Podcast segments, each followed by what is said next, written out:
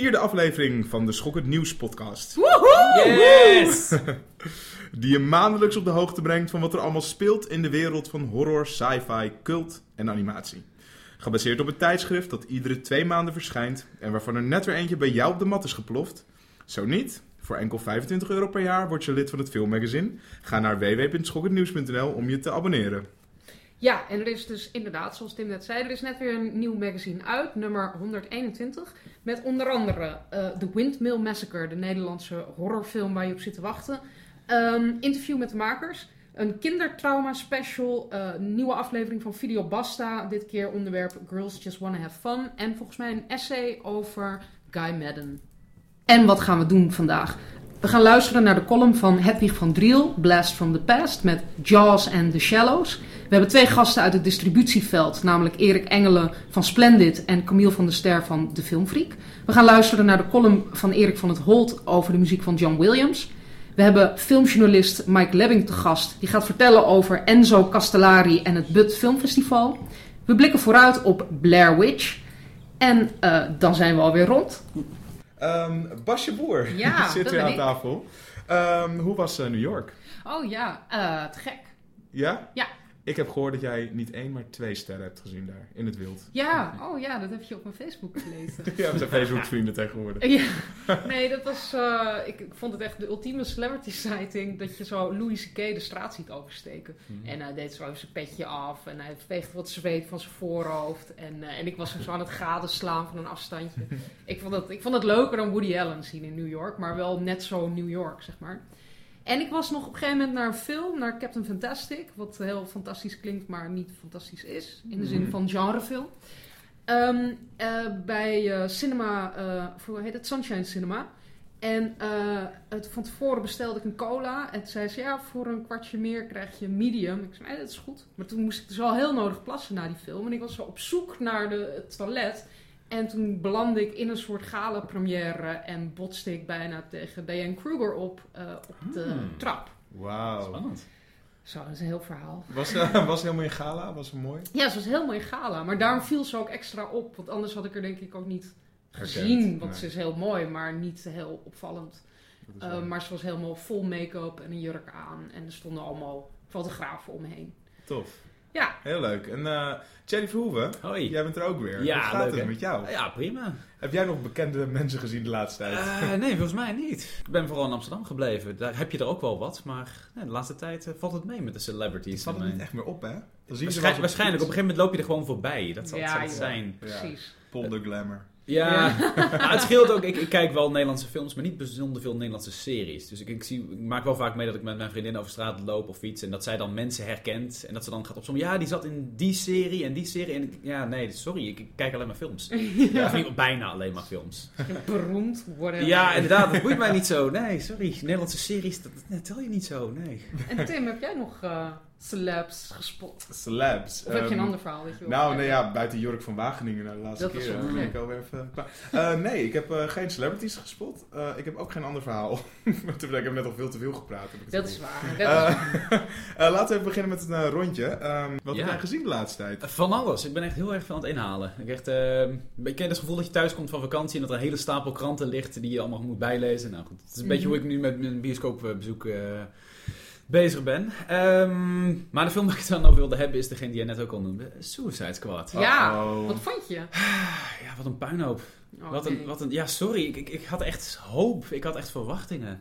Of niet verwachtingen. Ik dacht dat het nog wel iets zou kunnen worden. Kijk, tot nu toe eh, d- er is natuurlijk een DC-universe gaande met, met films die dan aan elkaar gekoppeld zijn. Net zoals bij Marvel.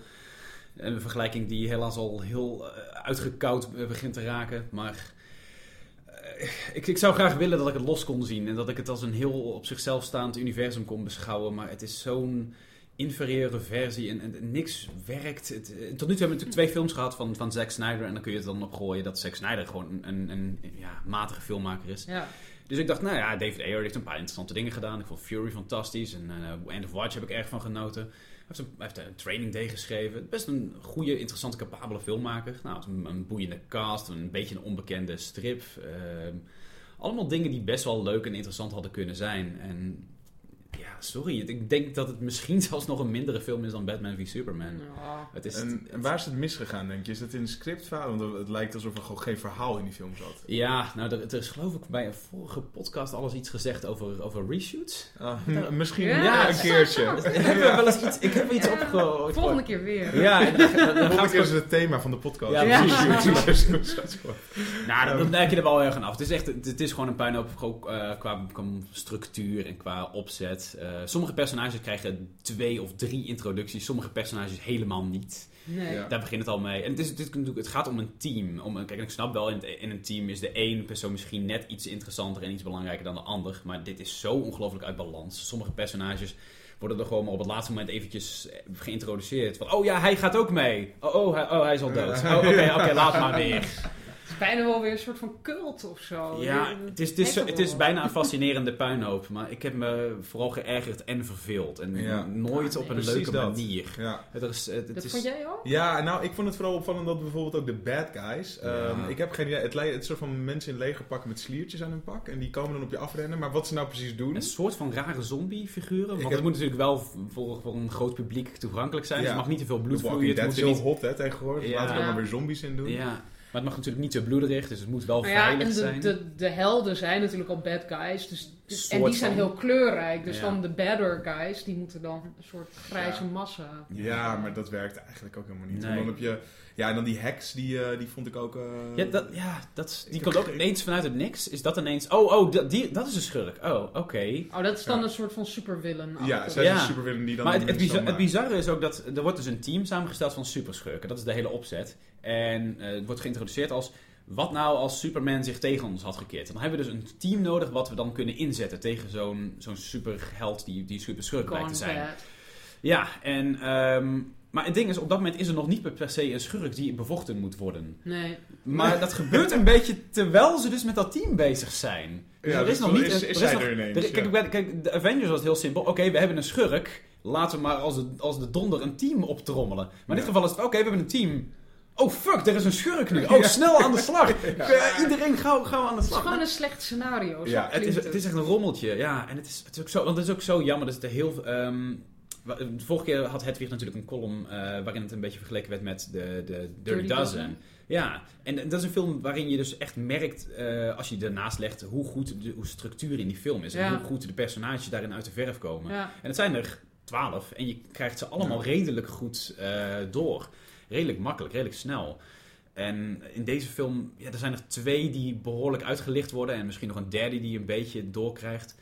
Maar de rest hangt er maar een beetje losjes bij. En dan gaat er iemand dood en het boeit niemand iets. Niemand Ja. kijkt ergens van- van op.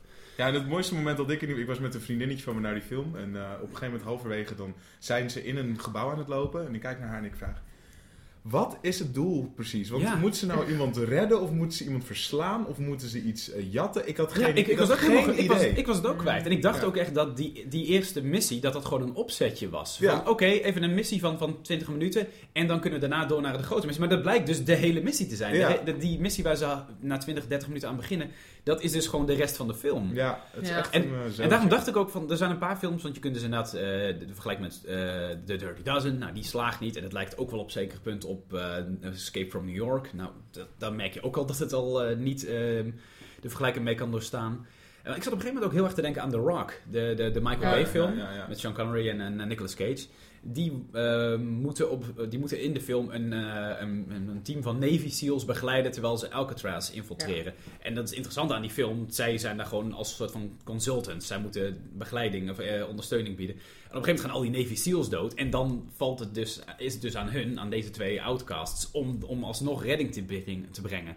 Dat had in deze film heel Het interessant. gegeven is alleen al beter. Ja, Ja. maar dat had dat hier prima gekund. Want je hebt in deze film Ja. ook een hele zooi van SEALs of, of militaire Ja, maar er wordt macho's. gewoon niet geïnvesteerd, denk ik, in Nee. gewoon een deeg, gedegen script. Nee. Of meer dan gedegen. Het is, Helemaal niet. Nee, het is zo. En, en, en eh, dan proberen ze natuurlijk op te leuken met allerlei popmuziek. Want dat werkte in Ja. Guardians of Elke the scène Galaxy. had een ander nummer. Ja. Ah, maar echt, echt. daar word je al Vooral- snel ziek van. Echt, vooral in... Nou, ik, ik vind het vaak heel leuk, die popmuziek. Het zit in, in, in heel veel Tarantino-films en Scorsese-films. Werkt het. Maar je moet het goed doen. En in Guardians, precies, en Guardians of the Galaxy had het perfect door. Ja. Daar deden ze... Van, je had ehm, allerlei muziek. op een gezette tijd. Dus niet eh, tien eh, liedjes binnen, binnen een kwartier. Maar gewoon elke mwah, tien minuten één nummer. En dan om de juiste toon. Liedjes die allemaal redelijk goed bij elkaar pasten.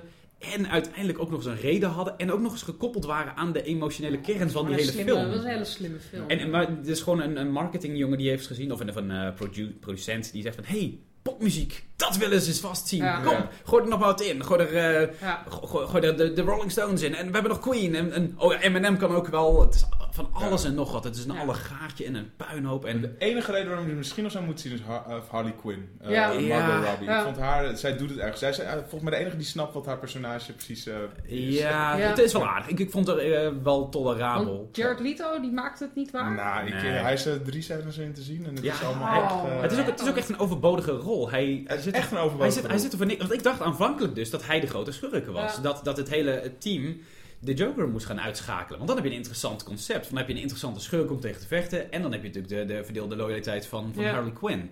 Ja. En daarom is het ook zo bizar, want ze- de schurk die ze nu moeten bevechten is een soort van enorm eh, machtige eh, heks.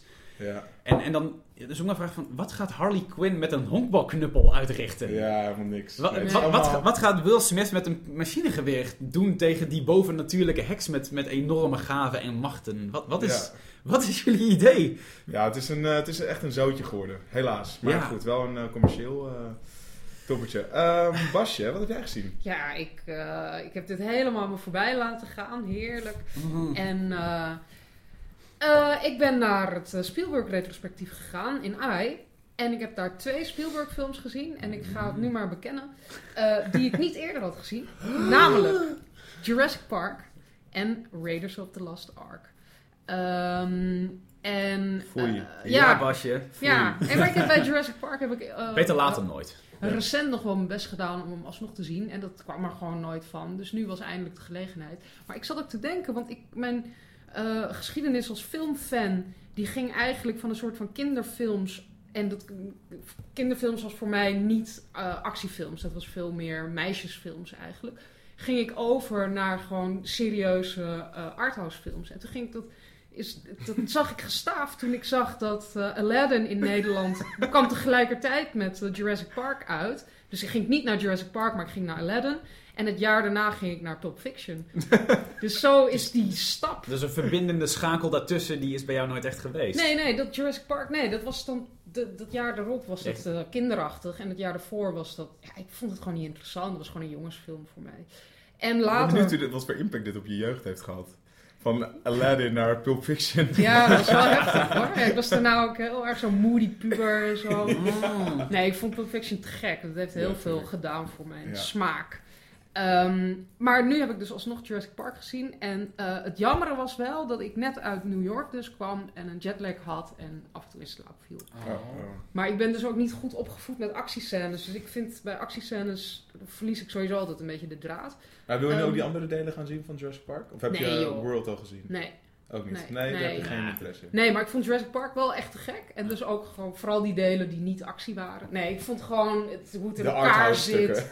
Ja, gewoon het geouwe hoer over die Ja. dinosaurus. Nou, dat vind ik wel interessant aan die film. Dat er eigenlijk best wel veel opzet is. Dat er een goed Ja. half uur aan uitleg en... en ja, maar heel in, in verschillende soorten stukken en verschillende sfeer. En toch zit er Settings. vaart in. En Ja. het is gewoon echt Want Spielberg. het duurt echt minstens een half uur voordat je echt een beetje dino-actie krijgt. Nou, Of misschien nog langer. Misschien wel een uur trouwens. Ja. Ja. Het is echt, ja. En dan die, ik bedoel, de actie die ik zag, die is gewoon uitstekend gedaan. En met heel veel gevoel en, en, en visuele. Ja, het is gewoon, het is te gek. Te gekke film. En Raiders of the Lost Ark? Die- Ja, ehm, ja, wat ik grappig vind is dat ik ben een heel groot fan van eh, Spielberg's recente eh Kuifje-verfilming. Hmm. En eh, er wordt altijd van gezegd van dat is ook een soort Indiana Jones. Maar ik vind die Indiana Jones films, eh, wat ik ervan weet, vind ik gewoon minder interessant en dan die, die Tintin. Ik vind dat gewoon zo'n geslaagde, fijne, eh, perfecte avonturenfilm. En met die Indiana Jones films, ik weet niet wat het is. Ik vind haar heel vervelend. Karen Allen heb je het nu over. Ja, Ah. oh, echt... Dan is het maar goed dat je Temple of Doom niet hebt gezien. Ja. Want ik denk dat dat eh, nog wel erger was eh ik weet uitgepakt. niet. Ik, nee, ik vind haar helemaal niet leuk. Ik vind Harrison Ford is natuurlijk heel erg Is zij een beetje de droom? charmant. Is zij niet een beetje de droom geweest van een menige puberjongen? Ik weet niet. Het was... Ik ben hartstikke gay, dus ik heb echt geen idee. ik ben meer voor Harrison Ford. Ja, Harrison Ford was jouw, jouw droom. Ja, maar dat is Nou goed, Harrison Ford is nu een beetje te oud, maar het was ook wel mijn man crush, denk ik. Deze Ja. charmante man. Ja, wel, hij is fantastisch. Ook, op het, eh, hij is nu 70 of zo, maar ik vind hem nog steeds fantastisch. Eh, ook in de laatste Star Wars film is hij nog steeds een overtuigende actieheld. Dat vind Ja. ik zo ver- verbijsterend, dat hij nog steeds zo, eh, Ja. zo sterk Maar is. het is gewoon met die, soort- die glimlach of zo. Ja. Dat zit hem niet in spieren of eh, daadkracht, maar gewoon een soort van glimlach en een air van... Oh ja, Fuck dat it. doe ik even. Ja, en ook wel het mooie dat hij gewoon af en toe wat klappen kan incasseren. En dat ook met, Ja. een, met een grijns kan Ja, hebben. Dat hij dat van, oké, kom dan ook maar. Ja, is heel maar normaal gaan. en bovennatuurlijk tegelijkertijd of zo. Ja. Maar er zitten heel veel, ik bedoel, het is heel goed verteld, die film. En er zit heel veel goeds in. Maar ik vind het tof dat ik hem eindelijk gezien heb. En het Mm. stelde op zich niet teleur. Maar het, het zit, ja, het is niet helemaal mijn eh, ding. Mm. En wat heb jij gezien? Eh, nou, ik ben even helemaal into eh, vrouwelijke stalkers. Oh, Ja, heb je er zelf? Ja. ik heb er zelf een. Oh jee. I wish, ik ben zelf een stalker. Nee, het is, eh, het is nog niet zo erg gesteld. Ik ben wel bezig met een korte film eh, over een vrouwelijke stalker. Leuk. Dus ik dacht, wat research. In het kader van wat research heb ik maar weer eens single white female uit de kast getrokken. Yes! Was je die... eh, vond Eerlijk. het zo leuk om over deze film te gaan praten. Oh, echt. Ja. Nee, het is een hele... Een, ja, het is echt een 90s thriller over een, eh, een meisje die eh, een, een, een roommate zoekt. Eh, ze, is net, eh, ze heeft net ontzettend veel ruzie gekregen met haar, met haar vriendje. En eh, vindt een roommate eh, en die is natuurlijk een hele rare obsessieve stalker.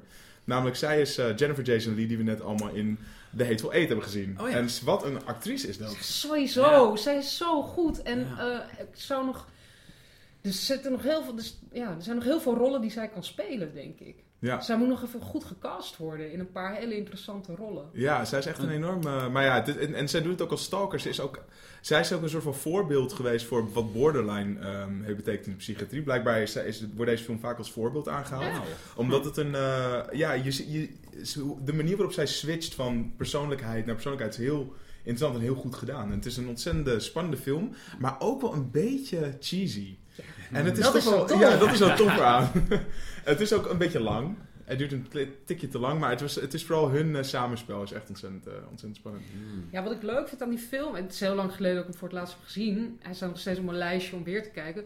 Maar eh, omdat het inderdaad, het heeft die, die cheesy kant, maar het is wel geworteld in iets wat ik als vrouw wel herken of zo. De vrouwen die op elkaar willen lijken, dat je gaat kleden als je vriendin, dat je denkt van, oh, ik moet mezelf zijn en niet te veel op haar willen lijken. Of je hebt een vriendin die alles doet, doet. wat jij doet.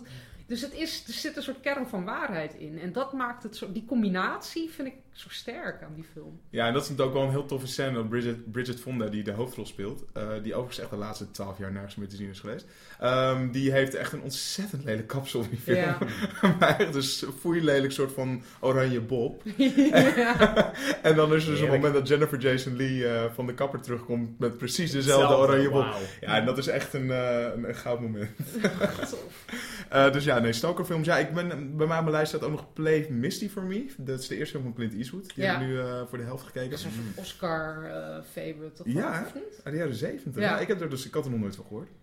Eh, en ook ehm, natuurlijk eh Fatal Attraction. Ja, klassiek. Die, eh, ga ik, eh, die ga ik ook weer stalkersfilms. Ja, Ja, ik vind ja. het wel een hele... Nou, ik vind dat geen fijne film. Nee? Nee. Oh. Nee, ik vind die regisseur... oh, Die heeft toen ook eh, Lolita, een nieuwe versie van Lolita gemaakt. Oh ja. Is ook echt een soort van viezige, nare, mannetje. soft erotisch. eh, oh, en dat vind ik van Fatal Attraction ook. Maar En ik vind het zo gek dat- 80, toen waren alle regisseurs in, in Nee, helemaal niet. Nee, hij is echt, hij is echt een soort nare... Vind ik, vind ik. Maar waarom zijn stalkerfilms altijd zo enorm erotisch eh, ge- ge- beladen? Is dat een, een, een- Ja, omdat een stalker dan misschien toch wel vanuit een bepaald eh, soort van Een soort verlangen agency misschien. handelt? Dat ze dan toch een soort van eh, machtspositie hebben. Ja, Misschien. dat is wel interessant. Nou, dat, is, dat zijn dus precies de vragen die ik mezelf afstel. Leuk. Voor deze film. Maar andersom Ja. zie je het niet zoveel, toch? Mannelijke stalkers. Nee, want dan wordt het meteen weer een hele nare bedreiging. En dan wordt het al gauw een soort slasher of zo. Ja, Ja. dat is een slasher. Maar, gewoon. maar kijk, Cape Fear bijvoorbeeld. Dat is wel een Dat geslaagde mannelijke stalker. ja. Dat klopt, ja. Maar dan wel een man die een andere man stalkt. Man op Ja, man stalk. man op- Ja.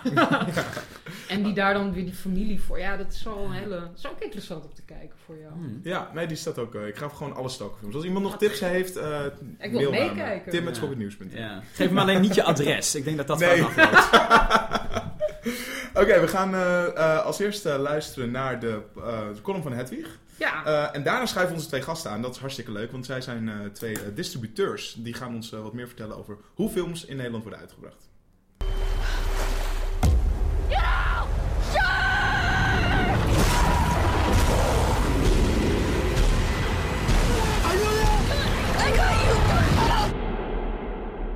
Dit is Hedwig met Blast from the Past. Tegen de tijd dat je deze podcast luistert is The Shallows uit in de bioscoop. Ik heb hem zelf nog niet gezien, maar naar verluidt is het een heerlijke pulpfilm over een meisje en een haai. Volgens Rotten Tomatoes gaf maar liefst 77% van de recensenten de film een positieve recensie. En tja, als je het hebt over haaienfilms, dan moet ik het natuurlijk wel hebben over de haaienfilm. Jaws. We gaan dus iets minder ver het verleden in dit keer. Ik zal hier dit keer ook niet het plot van de film eh, samenvatten. Want ja, die haaienfilm van Steven Spielberg, die kennen jullie wel. Ik veronderstel dat de gemiddelde luisteraar wel weet waar de film om draait. En wellicht zelfs Brody Quinton Hooper uitgebreid kan citeren. Jaws was al ten tijde van de release in 1975 een enorme hit. Het wordt zelfs wel de eerste blockbuster genoemd. Dat is misschien een beetje overdreven. Er waren al eerder films zoals Gone with the Wind en Ben-Hur die in grote getalen bezocht werden. Toch was Jaws wel anders. Zo was het de eerste blockbuster die in de zomer uitkwam. Tot dan toe werd de zomer juist niet als optimaal moment gezien voor het uitbrengen van films. Het werd eigenlijk gezien als dumping grounds voor slechte films, wat tegenwoordig in januari en februari is. Ook werd de film tegelijkertijd uitgebracht in wat voor dat moment een uitzonderlijk aantal bioscopen was, wel 490. Het plan was zelfs om de film in twee keer zoveel bioscopen uit te brengen, maar ja, studiohoofd Lou Wasserman die zag de film en die zei nee, doe maar minder, ik wil rijen zien. En rijen kreeg hij. Er werd verder voor die tijd gigantisch mediaoffensief ingezet met zowel reclames als een grote hoeveelheid gerelateerde producten. Onder andere badhanddoeken, speelgoedhaaien en zelfs een spel waarbij je dingen moest vissen uit een haaienbek voor hij dichtklapte. Misschien is het daarom wel symbolisch dat het eerste slachtoffer van Bruce, zoals Spielberg de haai noemde, een hippiemeisje is. Jaws was in 1975 exemplarisch voor het einde van de hippieperiode en de terugkeer van het kapitalisme. In de jaren 60 was met zogenaamd New Hollywood de regisseur en niet de studio centraal komen te staan. Er werden toen fantastische films gemaakt die primair uit artistieke en niet uit commerciële motieven voortkwamen. Denk bijvoorbeeld aan uh, Bonnie and Clyde of American Graffiti, Badlands, Chinatown. Nou, het lijstje gaat door en door en door. Nou, eindigde die golf van New Hollywood niet in 1975. Taxi Driver dateert uit 1976, Annie Hall uit 77, Days of Heaven uit 78. Toch markeerde Jaws samen met A New Hope, vier jaar later, die het door Jaws gevestigde record nog verbrak. Dat markeerde de terugkeer van de macht van de studio's en het begin van het blockbuster-tijdperk waar we nog steeds in zitten. Sinds Jaws zijn de grote studiofilms duurder en duurder geworden en de marketingcampagne steeds uitgebreider. Een film als Batman v Superman moet minstens een miljard binnenhalen om überhaupt uit de kosten te komen. Daarbij wordt soms een klein detail vergeten. Jaws was ook gewoon een rete goede film van een getalenteerde regisseur. Nog steeds is het echt een indrukwekkende bioscoopervaring. Als je niet gelooft, hij draait nog één keer in AI tijdens het Spielberg-programma op 31 augustus. Zo effectief is die film nog steeds, echt ondertussen uh, 40 jaar later, dat je op de pont terug toch met een klein beetje wantrouwen naar het water van het ei kijkt. Tuurlijk kan je met een wide release en uh, late persvoorstelling en heel veel reclame kun je altijd wel een goed eerste weekend hebben met je blockbuster. En tja, CGI is duur en vooral aangezien uh, alle studio's voortdurend tegen elkaar opbieden, worden die films duurder en duurder. Maar wat ze soms vergeten is dat het om geld te verdienen ook kan helpen om gewoon een goede film te maken. Of in ieder geval een leuke. Neem die andere haaienfilm, naar aanleiding waarvan we het nu over Jaws hebben. The Shallows is gemaakt voor een relatief bescheiden 17 miljoen. Hij duurt maar 87 minuten. Heeft in de hoofdrol een actrice die bekender is om haar huwelijk en haar haar dan om haar acteertalent. En werd geregisseerd door Gaume Colette Serra, die al zijn hele carrière B-films maakt. Maar, als we de recensies mogen geloven, is hij binnen die parameters wel leuk. Een efficiënte thriller met een onverwacht sterke rol van Blake Lively en voldoende, zoals een recensie het noemde, nasty thrills. En het resultaat, de film heeft in Amerika alleen al drie keer zijn productiebudget binnengehaald. The Shallows zal niet het filmlandschap veranderen zoals Jaws dat destijds deed. Het zal waarschijnlijk geen merkbare invloed hebben op het algemene strandbezoek. Maar meer dan de huidige lading blockbusters weet het de goede les te trekken uit het succes van Jaws. Namelijk dat als je een degelijke film maakt, dan haai je een prima filmslechterik kan zijn. Dit was Hedwig met Blast from the Past. Terug naar de rest van de podcast. Dankjewel, Hedwig. Ik ga een paar feiten jullie kant op gooien. Uh, iedere week komen er zo'n 10 nieuwe films in de bioscoop uit. Alle films worden verdeeld over bijna 900 zalen in Nederland. 2015 zag een record aantal bezoekers. Maar liefst 32.951.335 mensen kochten een kaartje om een film te gaan kijken. De top 3 trok ieder meer dan een miljoen bezoekers en bestaat enkel uit genrefilms. Spectre, Minions en Jurassic World. Is het veilig om te zeggen dat iedereen die, die beweert dat het einde van de bioscooptijdperk is aangebroken gek is? Als we deze cijfers mogen geloven, wel. Maar met technologische ontwikkelingen als 3D, IMAX en binnenkort virtual reality zullen bioscopen kort op de bal moeten spelen. De schakel tussen het maken van de film en het vertonen van de film is distributie. Films worden vaak aangekocht door een distributeur, waarvan de grootste in Nederland bijvoorbeeld Universal, Warner en Disney zijn. Zij kopen een titel, boeken schermen in bioscopen en zorgen ervoor dat mensen als jij en ik ervan horen door trailers en posters uit te brengen. Genrefilms zoals horror, science fiction en animatie worden goed bezocht. Hoe wordt er bepaald voor films hoe groot ze worden uitgebracht en hoe gaan deze films de strijd met elkaar aan? Daar gaan we over praten met twee distributie-experts. Camille van der Ster van de Filmfreak en Erik Engelen van Splendid Films. Camille, laten we met jou beginnen. Hallo. Hallo. Uh, jij hebt nogal wat obscure titels uitgebracht in de bioscoop. ja, wij zijn, wij zijn zeker geen Disney met de Filmfreak uh, of een Universal. Wij uh, zoeken toch wat, wat, wat, wat kleinere, marginalere films uit. En dat, dat is lang niet altijd genre, maar dat komt wel voor. En laten we dus eentje uitplukken uit jouw staat van dienst. Bijvoorbeeld Trash Humpers van Harmony Corinne. Ja.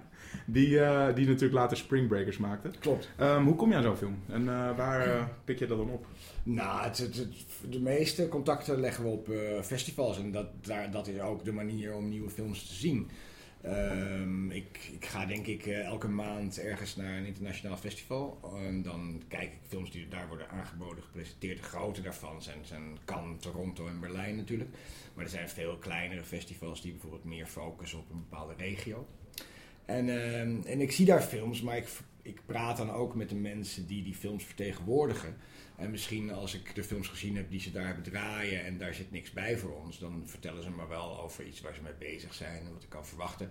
En dan hou ik het in de gaten. Misschien sturen ze me een script op. En uh, dan, dan, in sommige gevallen kan je dan zo'n film al uh, binnenhalen voordat die afgemaakt is.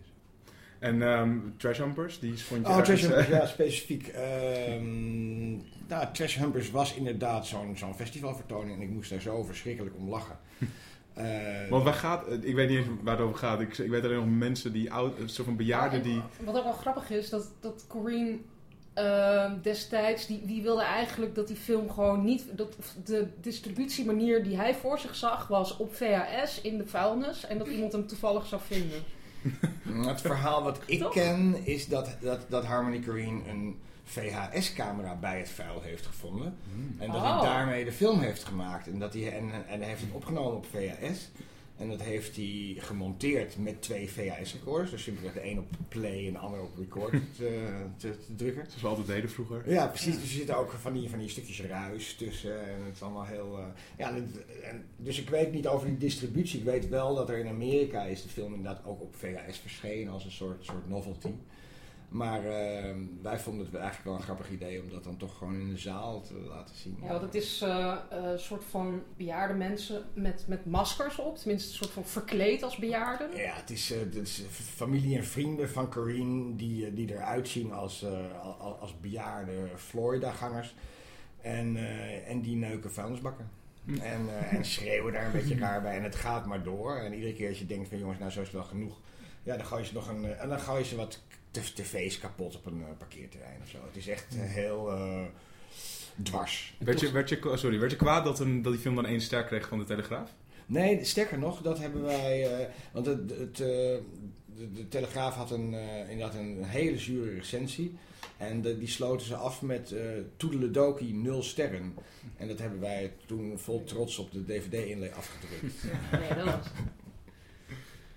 Ja, ik wil even inhaken op wat je net zei. Dat je dus mm, nogal makkelijk het, omschreef, maar toch zag je er iets in. Was toch een bepaalde artistieke waarde die dan... Absoluut, ja. Ik, het- het- ik vond het zo dwars en, en en geestig en anders. Dat, eh, ik, ik- dat, nou ja, dat is toch een beetje waar wij het voor doen. Dat we het gevoel hebben dat, dat er iets is wat we graag aan mensen willen laten zien.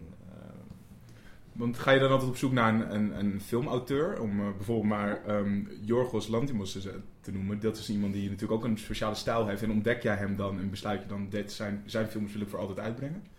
Of is dat nou, een, in het eh, geval van Lantimos is dat wel waar. Toen ik Dogtooth zag, wat, wat technisch niet zijn eerste film is, omdat hij eerst zo'n nog een experimenteel drama heeft gemaakt. Maar, dat, maar toen was ik wel echt.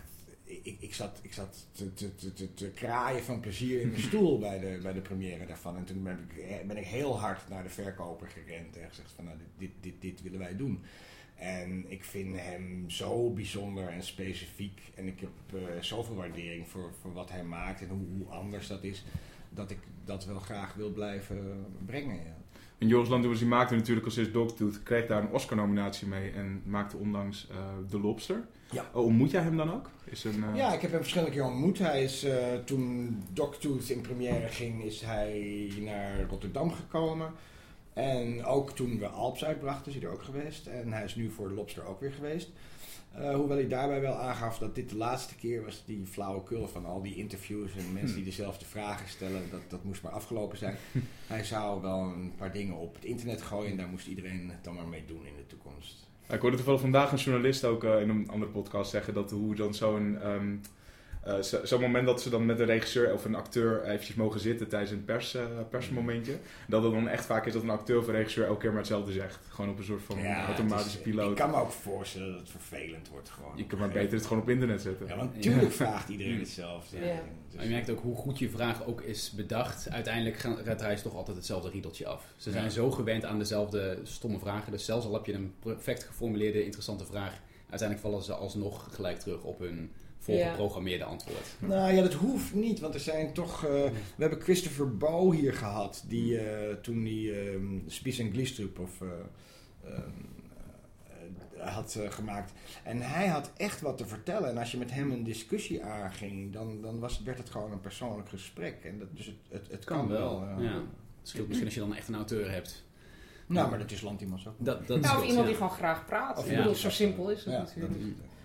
Dat. En eh, nog een paar andere van jouw films zijn eh, Audition, uh, Abelos Ogos, Doberman, Tessis. Het zijn vier, eh, Een beetje Ja, videotijdperk. tijdperk, ja. eh, een ja. ver verleden, want er zijn dingen bij, ja inderdaad, eh, eh, Doberman en, en, en Thesis eh, hebben we, dat, dat waren echt voor onze eh, video aankopen en dat gingen we dan op, op eh, huurvideo en koopvideo, dat was allemaal Mooie oude tijd. Dat we naar de videotheek gingen voor een. Maar dat was ook, eh, Ja. ja, dat, dat, daar, daar konden wij makkelijk eh, van rondkomen. Dat ging, dat ging allemaal heel erg goed. Het is tegenwoordig is het dus inderdaad niet, niet bij. En we, we zijn nu echt eh, volledig gericht op bioscoop uitbrengen.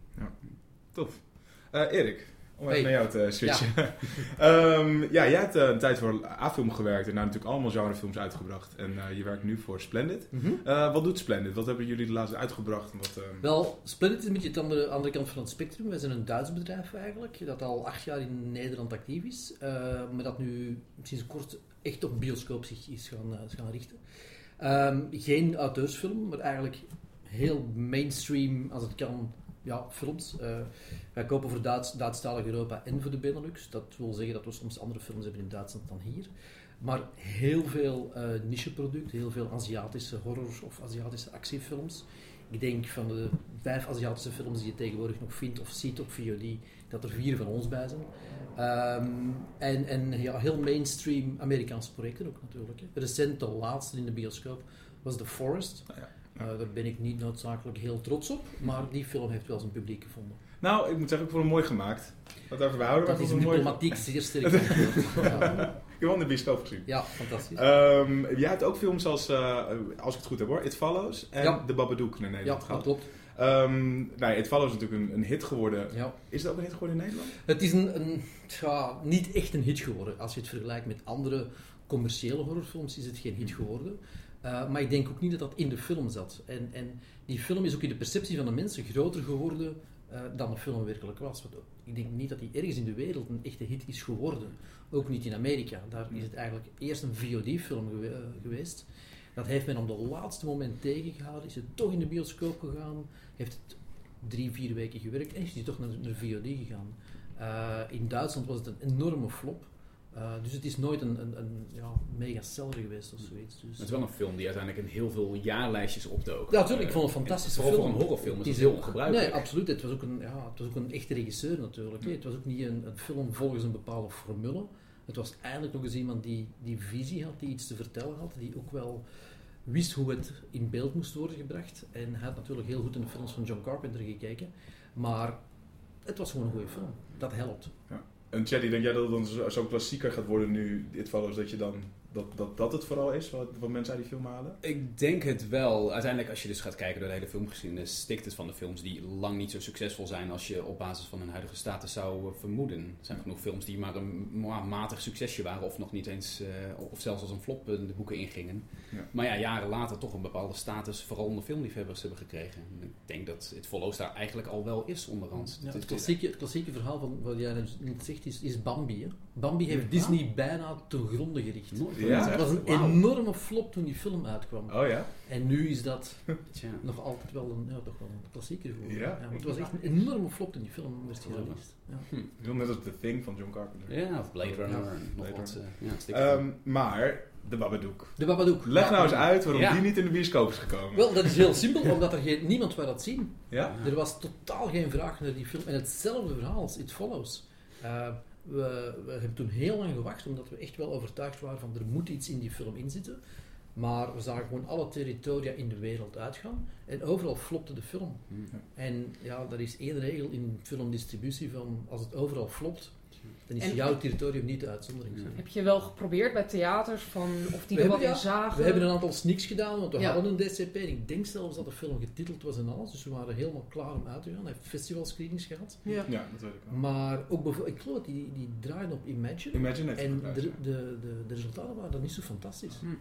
Maar vergis je niet, hè, want je hebt dus met, behalve met de vraag van het publiek, hebben we als distributeur wel degelijk te maken met de theaters. Want dat, dat is weer een schakel die ertussen zit. Wij, wij bieden als distributeur onze films aan aan de theaters. En die besluiten dan of ze dat al dan niet gaan laten zien. En het kan dus best zijn dat wij ergens hele hoge verwachtingen van hebben. En dat alle theaters gewoon zeggen van nou, daar beginnen we niet aan. Dat, eh, En dus op die dat- festivals spreek je soms ook al met programmeurs van theaters. Klopt, daar vragen we wel Een eens hun beetje pols en zo. Ja.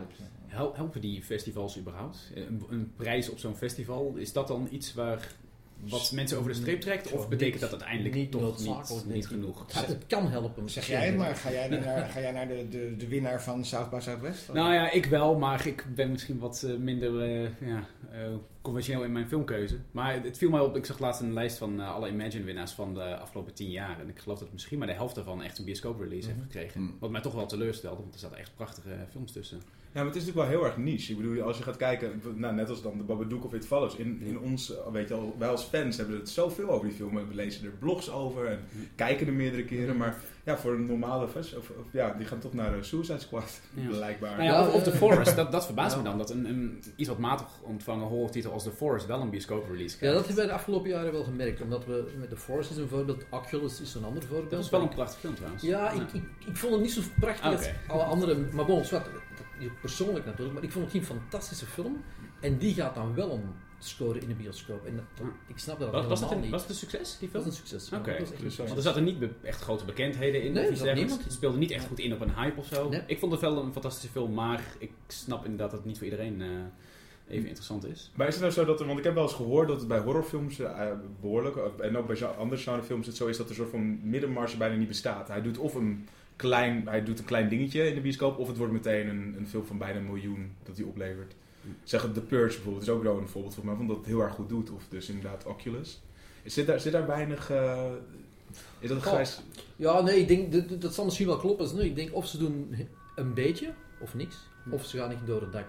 Ja. Eh, je merkt ook wel de afgelopen jaren dat de studios hebben dat model van de horror, van de commerciële horrorfilm, echt wel ja, verbeterd en, en geperfectioneerd eigenlijk. Hè. Die films, The Conjuring, The Conjuring, 2, 3, ja, 4, ja. 5 en 6 en, en noem maar op. De Blumhouse Productions. Ja, voilà, dat, dat, dat zijn niet echt genrefilms meer. Dat is een concept dat Ja. ze bedenken. Formulefilms. Ja. zijn formulefilms geworden voor, en, een, eh, minimaal budget. Voilà, van en met een 5 à 10 fantastische geluidsdesign, maar het heeft weinig met goede films te maken. Hm. Ja, ja, ja. En kunnen jullie misschien allebei een beetje vertellen hoe, het, hoe dat proces gaat? Dus jullie gaan naar een, eh, voor een internationale titel gaan jullie naar festivals toe.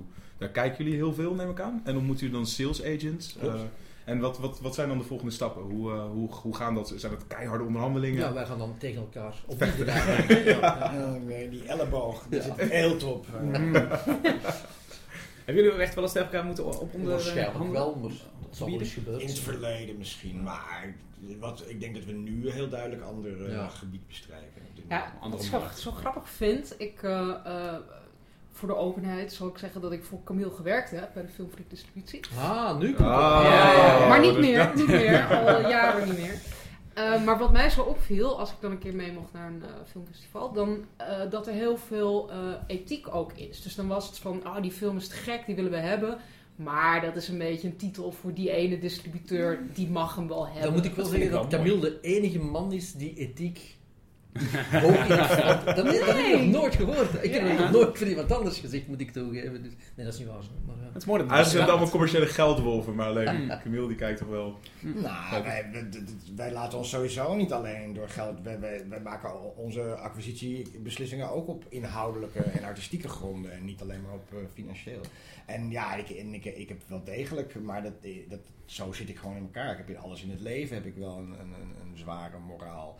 En misschien dat, eh nou, dat Basje daaronder heeft moeten lijden. Dat kan niet. Nee, maar het is echt niet alleen jij hoor. Ik hoorde ook andere mensen binnen het bedrijf. Nee, het, Dus mensen gunnen wel. elkaar wel iets. Ja, dat meer. idee dat, krijg dat, ik wel dat, echt. speelt, dat speelt absoluut waar. Absoluut wel. En het is ook zo dat je met bepaalde verkopers, dus de sales agents, eh, een, een, een relatie hebt. En, en, en mensen die, die, die dan graag nog een keer met je willen werken.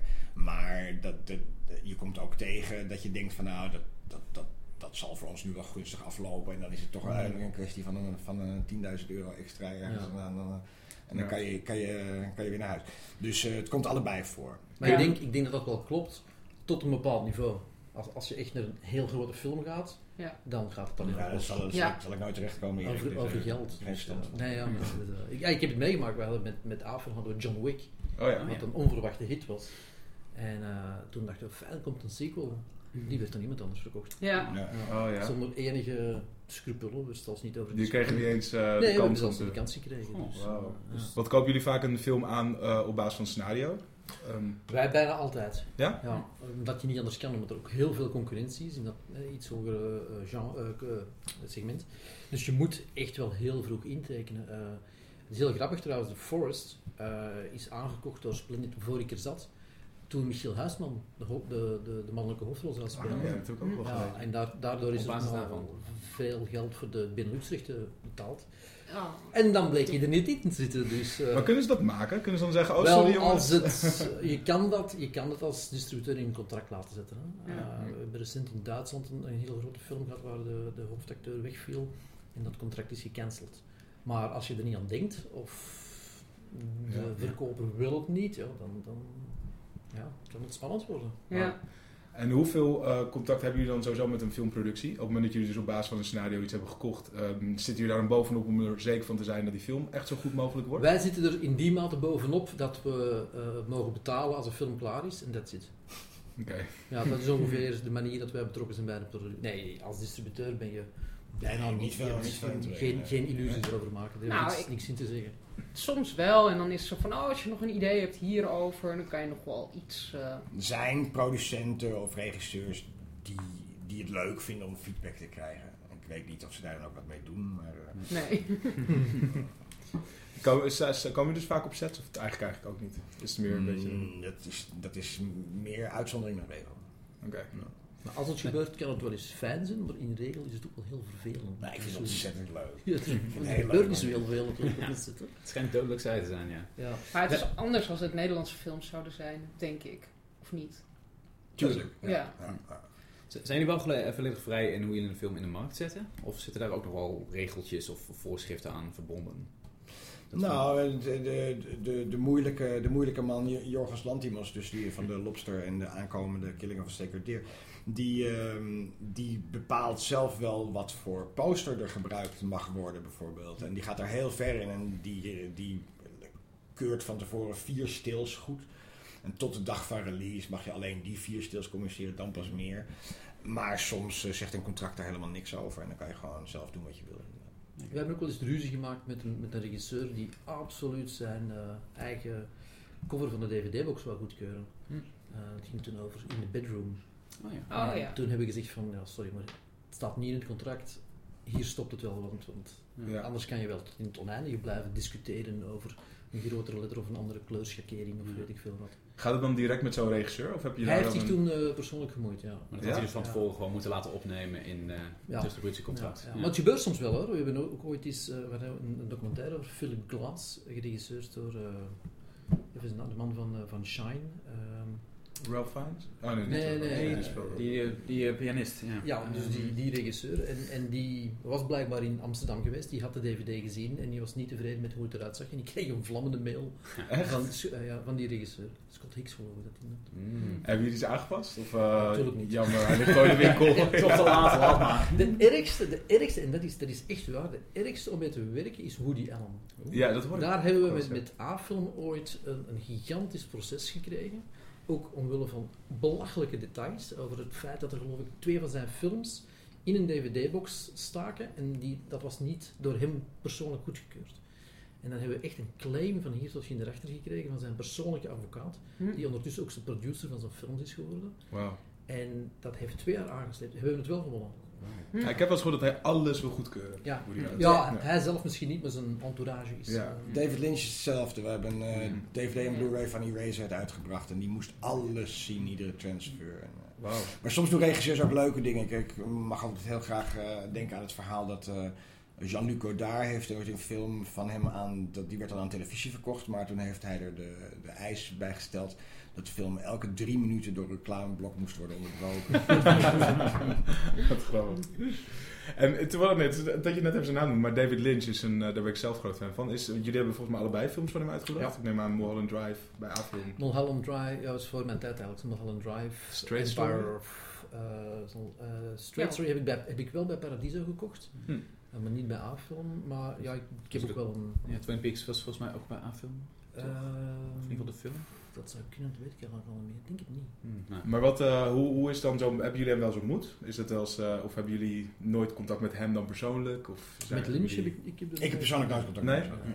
Is dat bij andere regisseurs wel zo? Wel met Cronenberg bijvoorbeeld. Oh ja? Ja, ja, Mooi. ja, met, eh, die, eh, want we hebben het eh, ooit Stereo en Crimes of the Future staan. Dus de eerste twee, eh, uh, maar half lange speelfilms. Die hebben we samen op DVD uitgebracht. En dat, dat contract liep wel rechtstreeks via hun. Maar hij was heel makkelijk en eh, toegevelijk en Ja. toeschietelijk. Maar ja, sommige van die mensen zijn ook wel interessant. Hè? Wij hebben een heel goed contact altijd met Steven Soderbergh. Ja. Toevallig, omdat we zijn eens ooit uitgenodigd op de set van Che. Toen hij dat draaide in Mexico. Oh ja. En alles liep daar fout en we zijn daar vier dagen langer moeten blijven omdat er een storm was, dus we konden niet weg.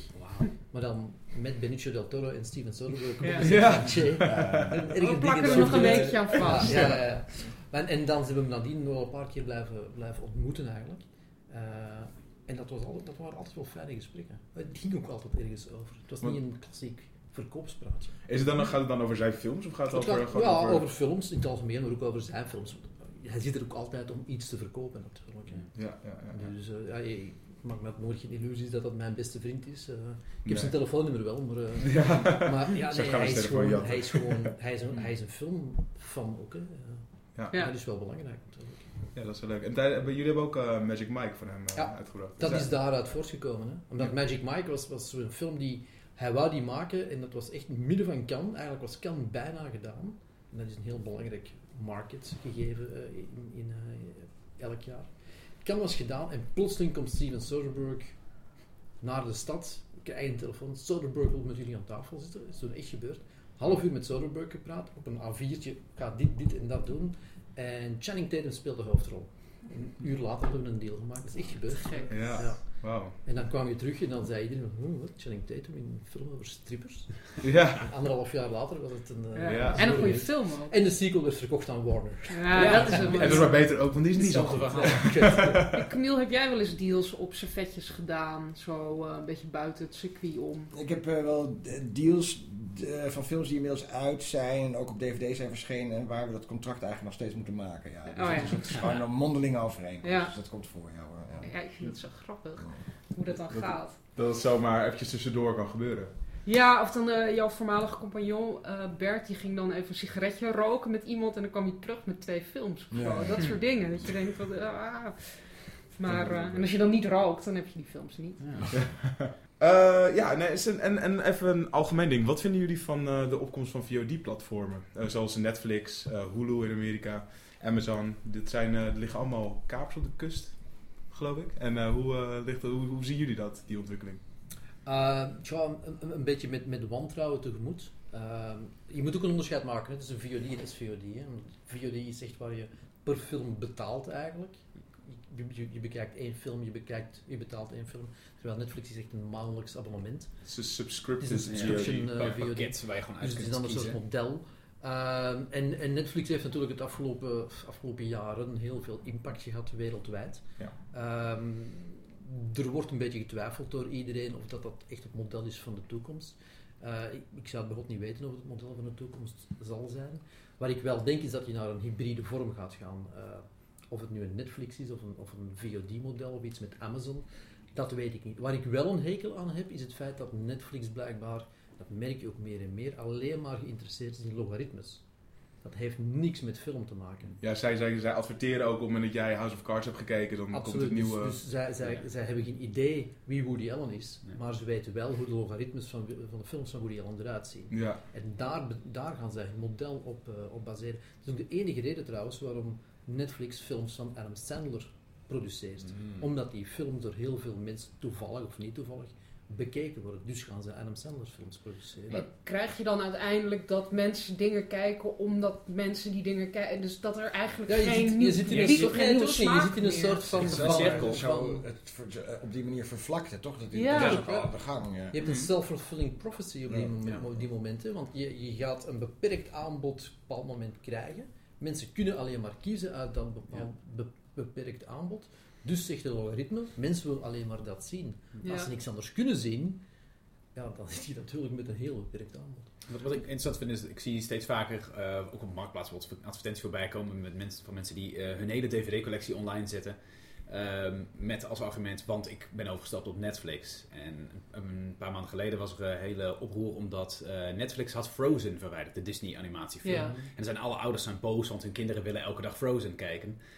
En toen dacht ik me, dat, dat is ook al misschien een beetje een, een eh, verkeerde inschatting van wat Netflix eigenlijk is. Want Netflix is niet de vervanger van je DVD-collectie. Netflix is meer volgens mij de videotheek op de hoek. Alleen nu zit hij in je, in je tv. Ja, Dan of is iemand anders een. DVD-collectie. Ik Ja, zo- maar er is een was beperking. dat wel het oorspronkelijke plan. Dat het een alomvattende Ja. eh, database Ik zou moet wel zeggen, ik merk wel dat als je bijvoorbeeld in Amerika zit en je hebt daar een Netflix-abonnement, dat het aanbod veel groter is serieus. Ja. Terwijl in Nederland en België, en zeker in Ja. België, maar dat heeft te maken met de deals die ze sluiten. Ja, ze- dat is- heeft want je nog steeds met maar ze moeten ook deals willen sluiten. Hè? Hebben ze- dat is zijn een voorzichtige hint die al? ik nu geef, maar...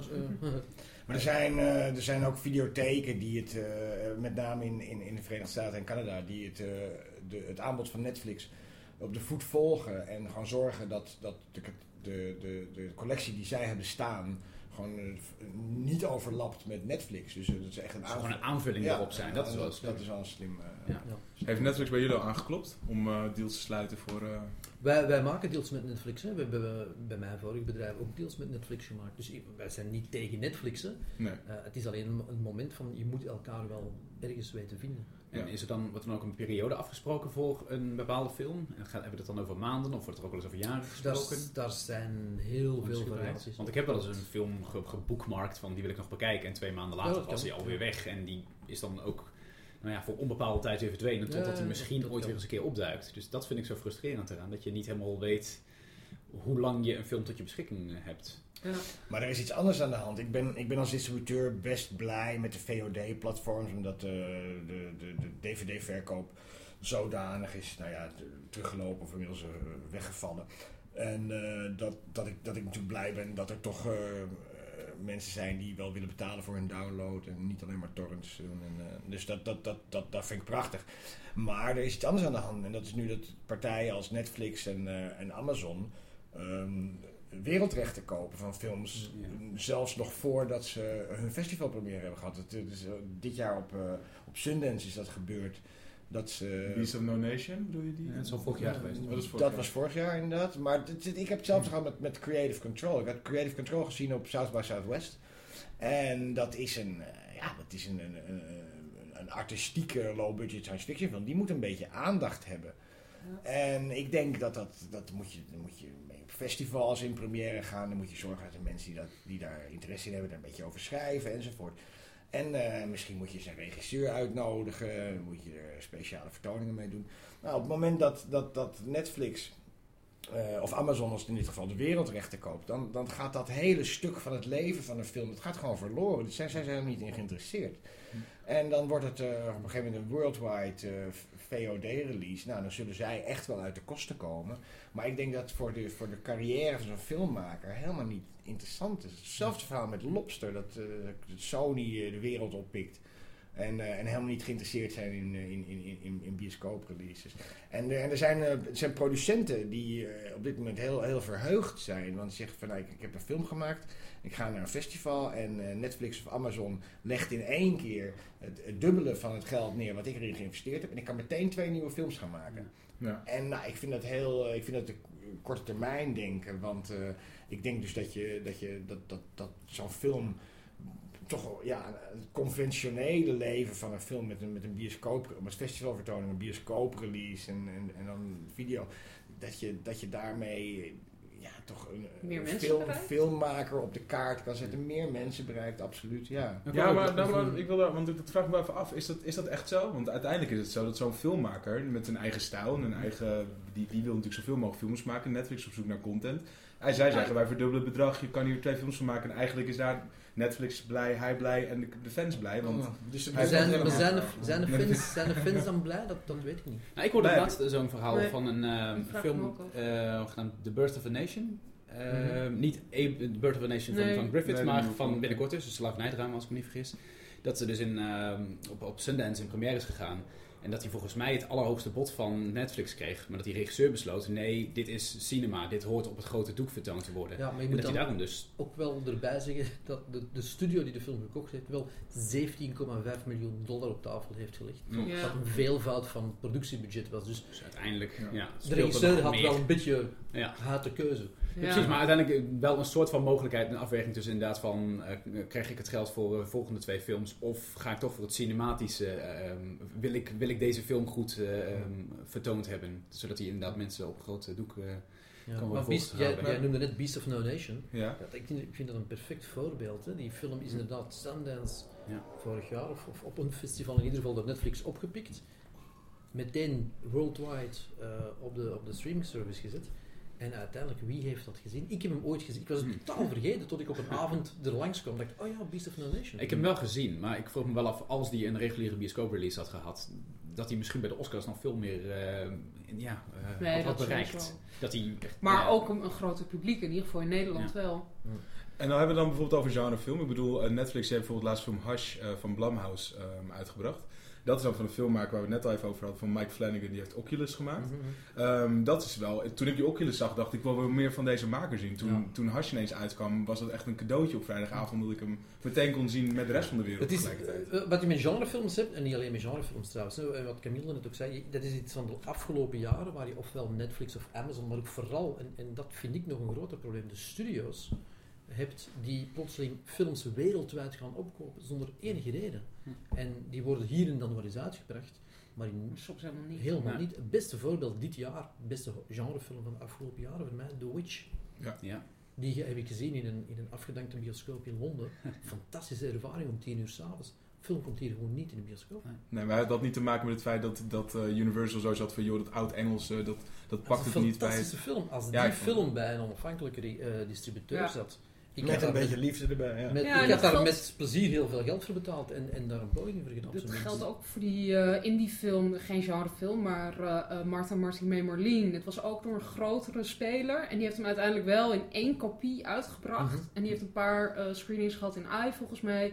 Terwijl bij een, een, eh, een kleinere distributeur was dat echt, had hij een veel langer leven gehad. En was hij met liefde uitgebracht, had, had zijn publiek gevonden. Wow, Eh, wow, wow. We moeten niet overdrijven. Dat is niet Ik denk hè, we bij- mogen nou- niet te romantisch laten klinken. Ik denk bij die film wel hoor. Ja. Dat had echt een, eh, een mooie romance kunnen opleveren, denk ik Mm. wel.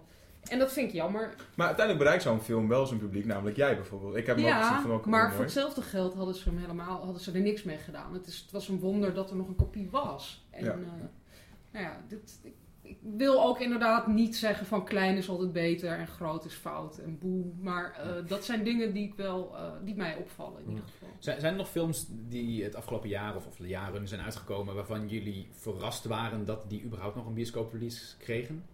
Films waarvan je dacht van god dat iemand hier iets in heeft gezien? Of is het echt heel erg op, op veilig eh, gespeeld tegenwoordig? Van een lange stilte, ja.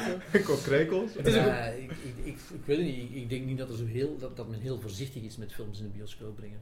Uh, ik denk dat er heel weinig risico's worden genomen en dat men sneller zal beslissen om het niet te doen dan, dan om het wel Dan maar een te gok te nemen. Ik heb het altijd met die, eh, met die met de eetdocumentaires, maar daar gaan dan gewoon 50.000 mensen heen. Ja. Dus dat zit ik helemaal fout.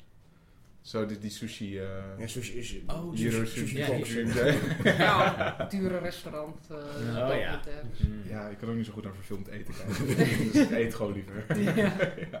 Tijdens het film kijken. Ehm, en wat is, eh, nou ja, misschien wel, een- ik ben benieuwd naar jullie mening daarover. Eh, Steven Spielberg en George Lucas hebben ooit gezegd dat de cinema die gaat eh, afsterven. eh doordat dat de blockbusters niet meer het aantal het grote publiek Mhm. be- behaalt. Denken jullie dat dat ook gaat gebeuren? Als je nu al kijkt naar dat een blockbuster als Batman vs. Superman, die, eh, die haalt het wel, maar een vervolg zal misschien nog wat lager gaan. En die haalt nooit meer zijn budget eruit. Goh, ik weet niet. Ik, weet, ik, heb die, ik heb die uitspraak toen ook gelezen. Ik dacht toen van, pff, oude zakken. Eh, maar eh, er zit wel een grond van waarheid in. Je, je merkt wel dat het bioscoopgaande publiek aan het veranderen is. Dat, dat heel veel mensen naar het evenement gaan en niet meer naar de film. Eh, we hebben het er straks hier even off the record gehad over Suicide Squad. Dat is het beste voorbeeld ervan. Dat is geen film, dat is een soort van drink dat ze op de bioscoop doen. Maar hebben- hebben dat gaat toch zijn geld opleveren? Ja, tuurlijk, maar Ja. mensen gaan niet naar de film. Mensen gaan naar de campagne die ze gezien, Ja. naar het event, omdat ze denken van dit heb ik nog nooit gezien. Ja. Het heeft niks meer met film te Ja, maken. het- Nee, maar dan, dan, dan, zal het, dan wordt het dus niet het eind van het cinema, want het gaat nog... Het, dat kan je natuurlijk, ah het is niet het eind van het cinema, het is wel het eind van film. Maar gaan- dat bioscopen gaan Het altijd is een soort bestaan. verplichting geworden om die film te zien. Een sociale Ja, verplichting dus, misschien. ja, wel, misschien dat ze willen mee kunnen praten aan... Oh ja, ik ben ook naar Suicide Squad geweest. En dat het een... eh, Ja, maar Ongeacht of het ik- goed als is. ik bijvoorbeeld de, de Nederlandse of de Belgische of de Duitse of whatever box office zie, dan zie ik soms films, een ander voorbeeld, Tarzan. Die krijgt Ja. enorm slechte reviews. Ik heb nog niemand gezien die het een goede film vond. Maar toch gaan er heel veel mensen die film kijken. Ja. Terwijl er diezelfde week 15 andere films uitkomen die veel beter zijn. Maar is dat frustrerend voor jullie? Dat is zeer frustrerend. Het heeft dan toch Ja. met naamsbekendheid te maken waarschijnlijk. Of is dat te kort door de bocht? Ja, Mm, een ik- beetje met van alles denk ik. eh, ik denk niet dat je er één reden kan voor vinden. Nou, het is wel een beetje verontrustend te dat de, maken. de, het, het onderscheid tussen de, de paar blockbusters die echt eh, voor, voor de helft van de jaaromzet van de bioscopen zorgen en, en, en, en de kleinere films wordt steeds groter. Dat is wel een, een, een, verschuiving die aan de gang is en dat, dat, dat is een beetje... eh, Net als bij boeken. Met boeken is het ook Ja. echt zo eh, dat je de bestsellers hebt. Die en dan... de, ja, de uitgeverij draaiende en dat geeft Ja. dat dan genoeg budget om nog een beetje te experimenteren met wat kleinere werken. Ja, zoiets. Maar is dat dan dus niet een goed moment om juist voor die kleinere films ja, een, een ander platform te gaan zoeken? Eh, om dan te accepteren, oké, weet je, VOD of SVOD is een, eh, is, is, daar zit Ja, iets maar in. dat, dat is weer de romantiek van het gegeven. Hè. Dat je hem op het scherm wil Iedereen, ja, nee, maar iedereen denkt dan van, van we gaan die kleinere films, we gaan er wel een markt vinden op VOD, maar dat is gewoon niet zo. Nee. Mensen, mensen, Nou, maar vergis je niet, hè, wij zijn in Nederland wel gezegend Ja. met, met die arthouses. Ja, er zijn mensen. En, en zelfs dus als dan, nou, ik kom er even terug bij Lobster, wat dan voor onze grote films is ook echt een succes. Maar, maar de, de, de, de, de Pathés en de Jochems, die zeggen gewoon nee, die gaan dat niet vertonen. Dus we zijn dan echt afhankelijk van, van, eh, van de arthouses. En dan kan je met zo'n film toch 75.000 bezoekers halen. Ja. En, en er zijn dat, dat, een heleboel landen hoef je dat dus echt niet te proberen. Frankrijk is een uitzondering, daar is het heel goed. Maar ik hoor dat, Ja. dat België zou, jij, is bijvoorbeeld. zou jij beter weten, Erik. Dat in België is dat toch ook veel moeilijker als je ja, nee, Er absoluut. zijn ja, geen ja. filmtheaters in België. We hebben geen filmtheaters in Nee? België. Nee, nee, nee, nee. nee, nee. Ja. Wij- dit is zo, ik, kom van een, van een periode waar als we een, een goede film hadden, de, een betere film om dat verschrikkelijke woord te gebruiken, dat wij dan blij waren dat Nederland ongeveer evenveel deed als België. Ja. Tegenwoordig doet België voor een normale film nog 30% van de Nederlandse box-office. En voor een, een beetje crossover of arthouse film 10 tot 15% en that's it. Ja. En dit gaat ook verder in Duitsland. Een film als The Lobster maakt in Nederland meer omzet dan in Duitsland. Dus je mag Ja, maar dat is een ander verhaal. Want daar in, in, in Duitsland heeft dus Sony inderdaad niet willen willen toestaan dat een onafhankelijke distributeur zich over die film ontfermde. Zij hebben gezegd, we maken wel een festivalkopietje die een beetje rond mag en dat is het. Oké, maar Ja. in, in het algemeen, een, een, of een gelijk. andere film gelijk, doet in. Nederland makkelijk evenveel Ja. of veel meer Ja. dan in Duitsland. Dus Dus, dus je bent wel. Nederland is, gezegend, is echt gezegend met het bioscooplandschap dat je hier hebt. Ik gebruik dat in België. Je hoort het niet aan mijn accent, maar ik kom. Hè. in België gebruik ik dikwijls het Nederlands eh, eh, voorbeeld van hoeveel zalen hebben jullie wel niet in Amsterdam? Ja. Dat is echt hou je niet dat- mogelijk. Dat is het Parijs van de jaren 60. Ja. Ja. Ik was vorige week in New York en ik dacht, valt eigenlijk wel een beetje tegen het ja, filmaanbod. Ik kan niet eens even naar een klassieker of zo. En dan zit ik hier op. AI te zeiken, soms, heel Ja. soms. Ik ben heel blij met AI, maar... eh, en dan daar, het is echt uh, het is ongelooflijk. Nee, we hebben het niet slecht. Eh, tot slot kunnen jullie allebei misschien vertellen wat er, de- wat er te wachten staat voor ons bij de Filmfreak en bij Splendid het aankomende jaar. Wat gaan jullie doen? Nou, we gaan gewoon door eh, zoals we bezig zijn met eh, leuke niche dingen zoeken waar we zelf eh, een eh, warm gevoel bij hebben. En eh, nou, het enige wat ik nu even kan loslaten om echt naar uit te kijken is het nieuwe Jor- Jorgos Lantimos weer eh, volgend jaar. Dat is de Killing of a Sacred Deer. En dat is dit keer een eh, paranormale thriller. Grote, grote namen erin? Eh, weer Colin Farrell en ehm, ehm, er is net ehm, een contract gesloten met eh, Nicole Kidman. Is dat een Wauw. primeur die we hier hebben? Ja, dat is een primeur. Oh, echt? Nou, wat Tim leuk. ook weer blij. Kijk, ik ben weer- nieuws, jongens. persbericht is al getypt. Je hoort het er eerst. zo overheen met Ja, nog nee, een ik, ben nu, naam. ik ben nu Ja. heel hard aan het nadenken van wat ik hier nu op tafel kan leggen. Maar dat, Die is groter dan Nicole Kidman. Nee, ja, wij, wij, wij brengen dit najaar eh, twee films uit. Eentje met Mel Gibson en de andere van Mel Gibson. Bloodfather, een perfecte B-film. En nadien zijn, zijn nieuwe film als regisseur, Hacksaw Ridge, wat, wat een oorlogsdrama is. Ehm, en dan later in het jaar, in december, echt een fantastische film, American Pastoral. De, de boekverfilming van, Philip Roth. Door Ewan McGregor als regisseur.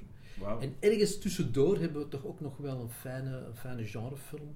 En Namelijk de Koreaanse monsterhit Train to Busan. Yes, Ah, daar heb ja. ik het eh, net al over gehad in eh, de introductie. Ja, Ja, hij is het lekker. nieuws Ja. al eh, bereikt hier. Ja. Ik wilde al inderdaad afvragen wie hem gaat uitbrengen, maar dat Ja. zijn jullie dus. Ja. Oké, Eh, heel erg bedankt. Eh, jullie blijven nog even zitten, want we gaan nu eerst luisteren naar Erik met zijn muziekcolumn. En daarna gaan we een vooruitblik werpen op The Blair Witch.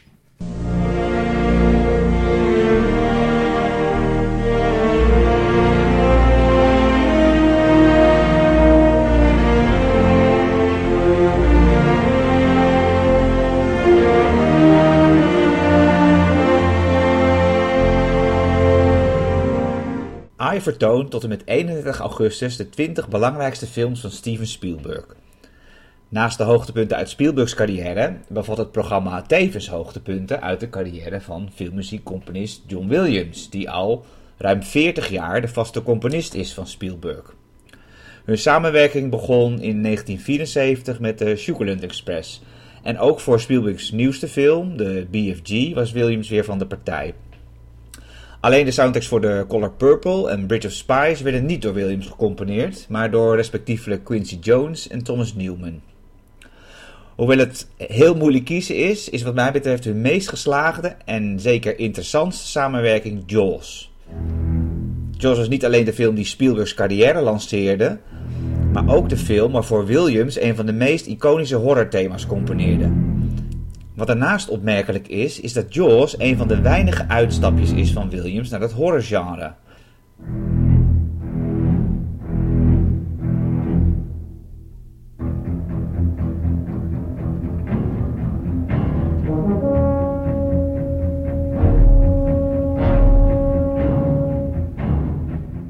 Nu zitten er in een aantal van zijn niet-horror soundtracks best horrorachtige en duistere stukken. Luister bijvoorbeeld maar eens naar de openingsmuziek van E E.T.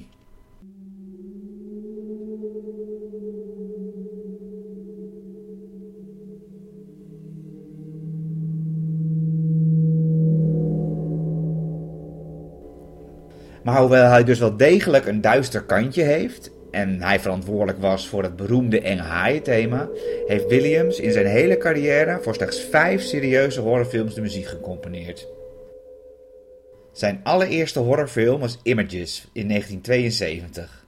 Een psychologisch horrordrama geregisseerd door Robert Altman over een schizofrene vrouw die steeds verder van het padje raakt.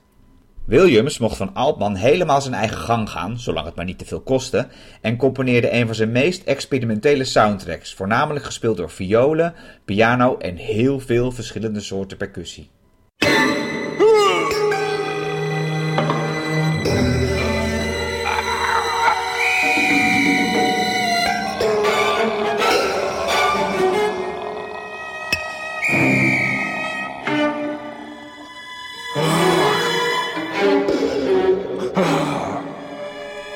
Williams' tweede horrorfilm was Jaws, waarvoor hij overigens een Oscar won.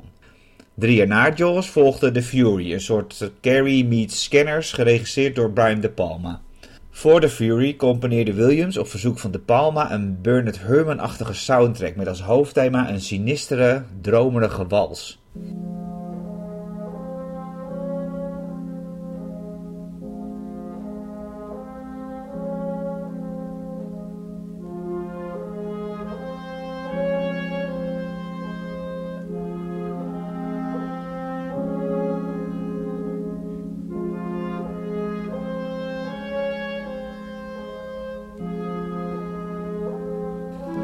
In datzelfde jaar schreef Williams muziek voor het onvermijdelijke vervolg op Jaws, Jaws 2.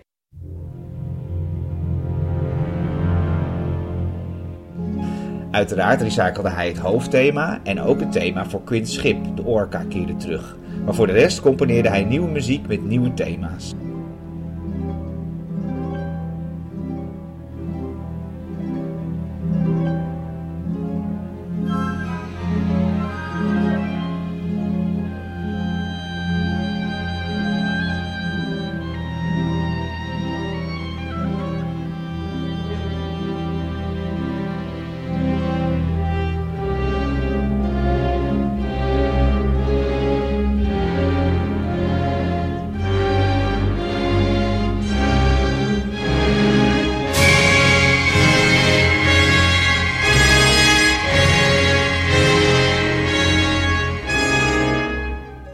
Als ik de horrorcomedie The Witches of Eastwick even buiten beschouwing laat, componeerde Williams zijn laatste serieuze horrorscore in 1979 voor Dracula, geregisseerd door John Badham en met in de titelrol Frank Langella. Williams biechtte destijds aan Badham op dat hij nog nooit een vampierfilm had gezien. Badham zag dat echter als een pluspunt, aangezien hij een hele andere benadering voor ogen had en vooral de romantische en tragische elementen in het verhaal wilde benadrukken. Dit hoor je ook duidelijk terug in de muziek van Williams, die waarschijnlijk een van de meest melodramatische Dracula-scores aller tijden schreef.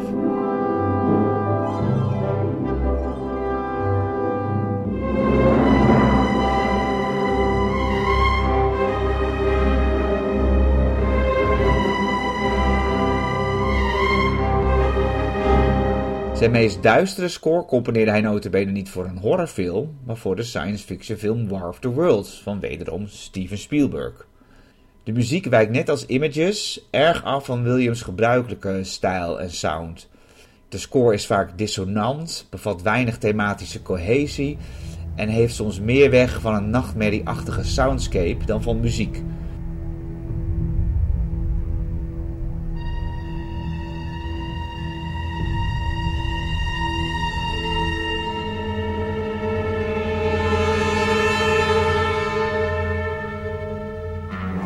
Spielberg omschreef Williams' sinistere score als volgt. For War of the Worlds, John reached for something not of this earth and composed a score that you feel on your skin even before you become aware that you are actually hearing it.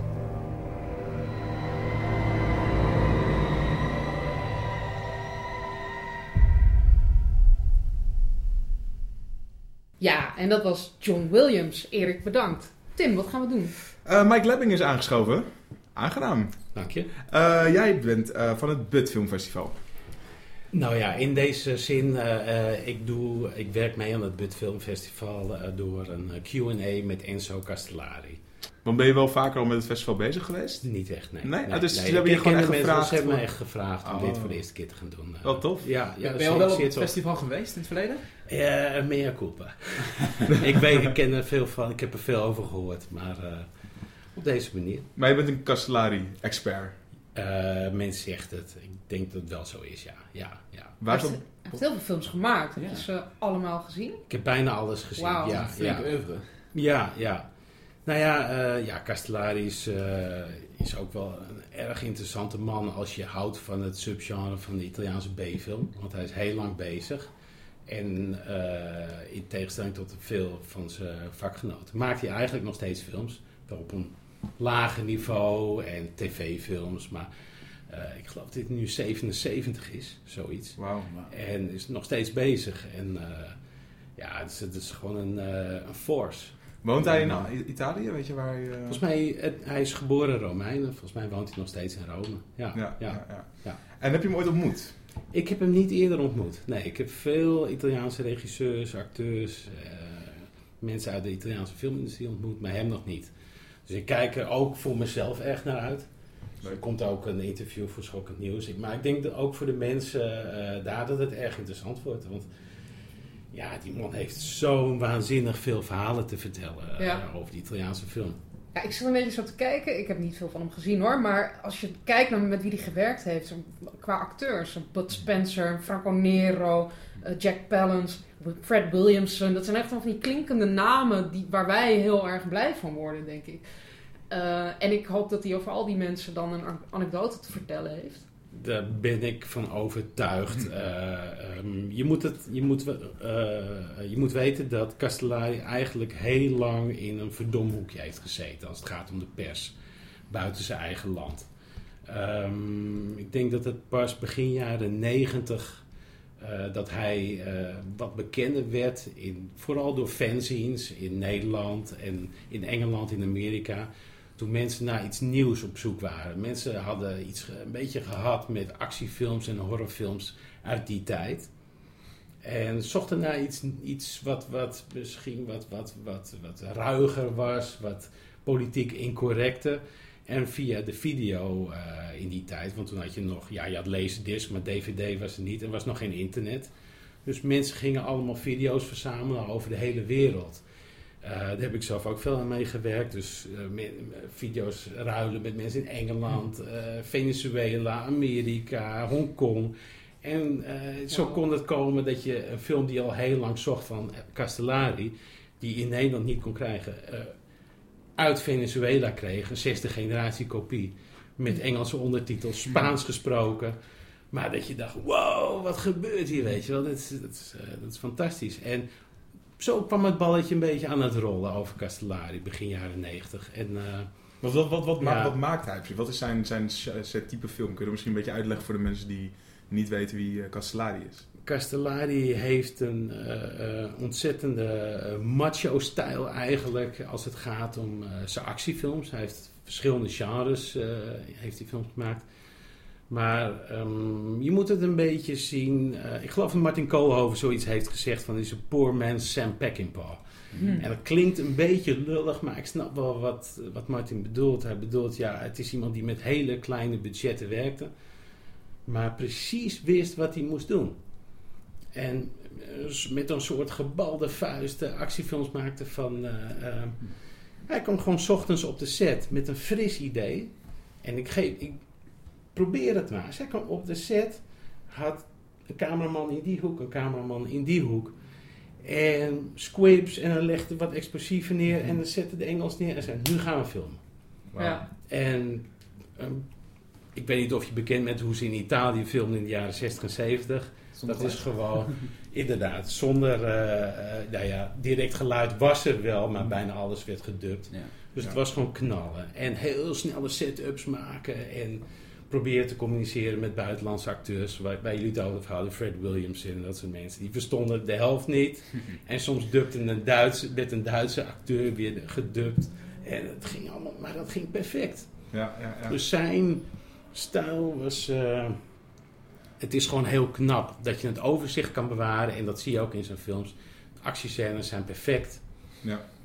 Zoals Peckinpah dat doet eh, in real time. En dan in één keer slow motion. En dan weer real time. En dan semi-slow motion. Een close-up. Nou ja, het is Ja. filmmaken in de puurste vorm. Dat, dat vind ik echt prachtig. Ja, en hij heeft echt een soort van eh, scala aan genres onder handen genomen. En ook echt van die Italiaanse genres. Dus de, de giallo en de eh, spaghetti western natuurlijk. Maar ook de polit ze... Polit, Polizieschi wordt het. Poli- Sorry, ik kan dat nooit. Poliziotesco, maar gewoon Poliziesco. Nou ja, dat. En, maar, en ook eh, een oorlogsfilm zit ertussen. En van alles en nog wat. Maar wat vind Ja. jij nou echt zijn beste genre? Of waar gaat jouw hart sneller van kloppen? Ehm, nou, zijn actiefilms zijn bijzonder.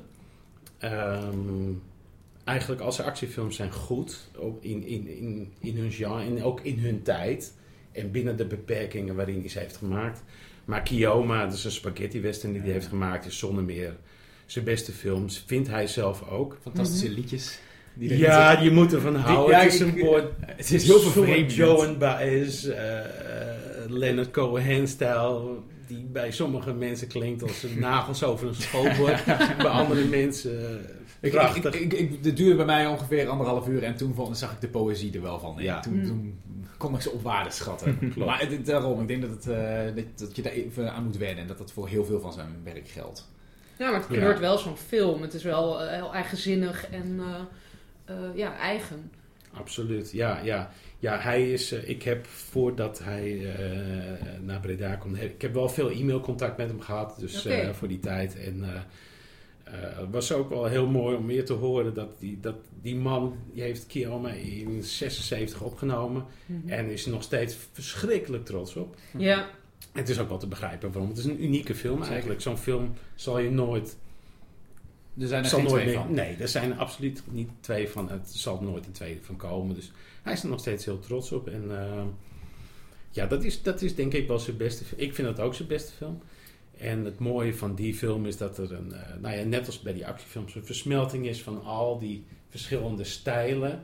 Maar ook een, een, een, een, hele vreemde metafysische eh, onderlaag in zit. Waarin hij praat over tijd, over de vergankelijkheid van het leven, over de dood. En eh, racisme ook zit er heel sterk in. Een film van Woody Strode, of een, eh, een rol van Woody Strode zit erin. Een eh, hele beroemde western acteur in eh, Amerika. Een, eh, een zwarte acteur. En die wordt aan de kant gezet als een banjo-spelende eh, dronkaard. Maar die krijgt door de mise-en-scène van Castellari wel de kans om te schijnen. En eh, ja, dat maakt die film heel bijzonder. Ja. En hij staat er ook onbekend dat hij juist films een soort van een, een snelle, goedkope versie ervan maakte. Bijvoorbeeld van Jaws heeft hij, nou dat is niet officieel zo geweest, maar hij heeft The Great White gemaakt. Toen Ja. heeft Universal Studios heeft hem aangeklaagd. En eh, die moest meteen uit de bioscoop verdwijnen. Want die leek te veel op Jaws. Ja, Was dat ook dat zijn stijl? Want dat is, ehm, is, is dat iets wat hij deed? Ja, maar dat is niet iets wat alleen hij deed. Het was eh, heel gebruikelijk in Italië om een succesformule uit vooral Amerika te kopiëren. Dus toen ja, eh, The French Connection een groot succes was en Dirty Harry deed dus... Nou, ja, je moet het zo voorstellen. Dirty Harry komt uit in Italië. Eh, de Italianen kunnen binnen twee maanden eigenlijk een film opnemen, eh, de promotie regelen. En nou ja, binnen 2,5 maand kan die film al in de bioscoop zijn. Dat is onvoorstelbaar, zeker in die tijd. ja. Dus toen kreeg je al gewoon tientallen films in die, in die stijl. in die stijl. Ja. En dat deed niet alleen Castellari, maar Castellari was er wel een van de beste in. En ehm, wat het mooie was ook van, van, eh, van Castellari in de pers destijds, want eh, Variety was toen nog eh, ook, ook een heel groot blad. Ja. En daar stonden, als je, ou- ik heb van de oude varieties teruggevonden en gekocht. Van 1980 interviews en advertenties met Castellari films. Pagina groot. En Ja. Wow. dat werd aangekondigd als de nieuwe blockbuster from eh, Castellari. Dat kan Ja. je nu niet meer voorstellen. Die tijd is helemaal veranderd. Nou, er is natuurlijk nu, er is een eh, bedrijf, misschien heb je daar wel eens van gehoord, dat heet The Asylum. Die maken altijd eh, films eh, op een hele snelle manier. Bijvoorbeeld eh, Suicide Squad draait in de bioscoop, ze hebben dan Sinister Squad. En eh, Ghostbusters hebben zij Ghost Hunters. Ja. en eh, natuurlijk de Sharknado films komen ook van hun. Is het, zou hij eh, als Castellari nu was opgekomen misschien bij die club hebben gezeten? Of is hij toch wel iets beter dan dat? Ik denk wel dat hij beter is. Hij heeft de laatste jaren wel wat matige dingen ge- gemaakt. Eh, dat komt ook omdat hij te enthousiast is over film. Hij wil zo graag filmen.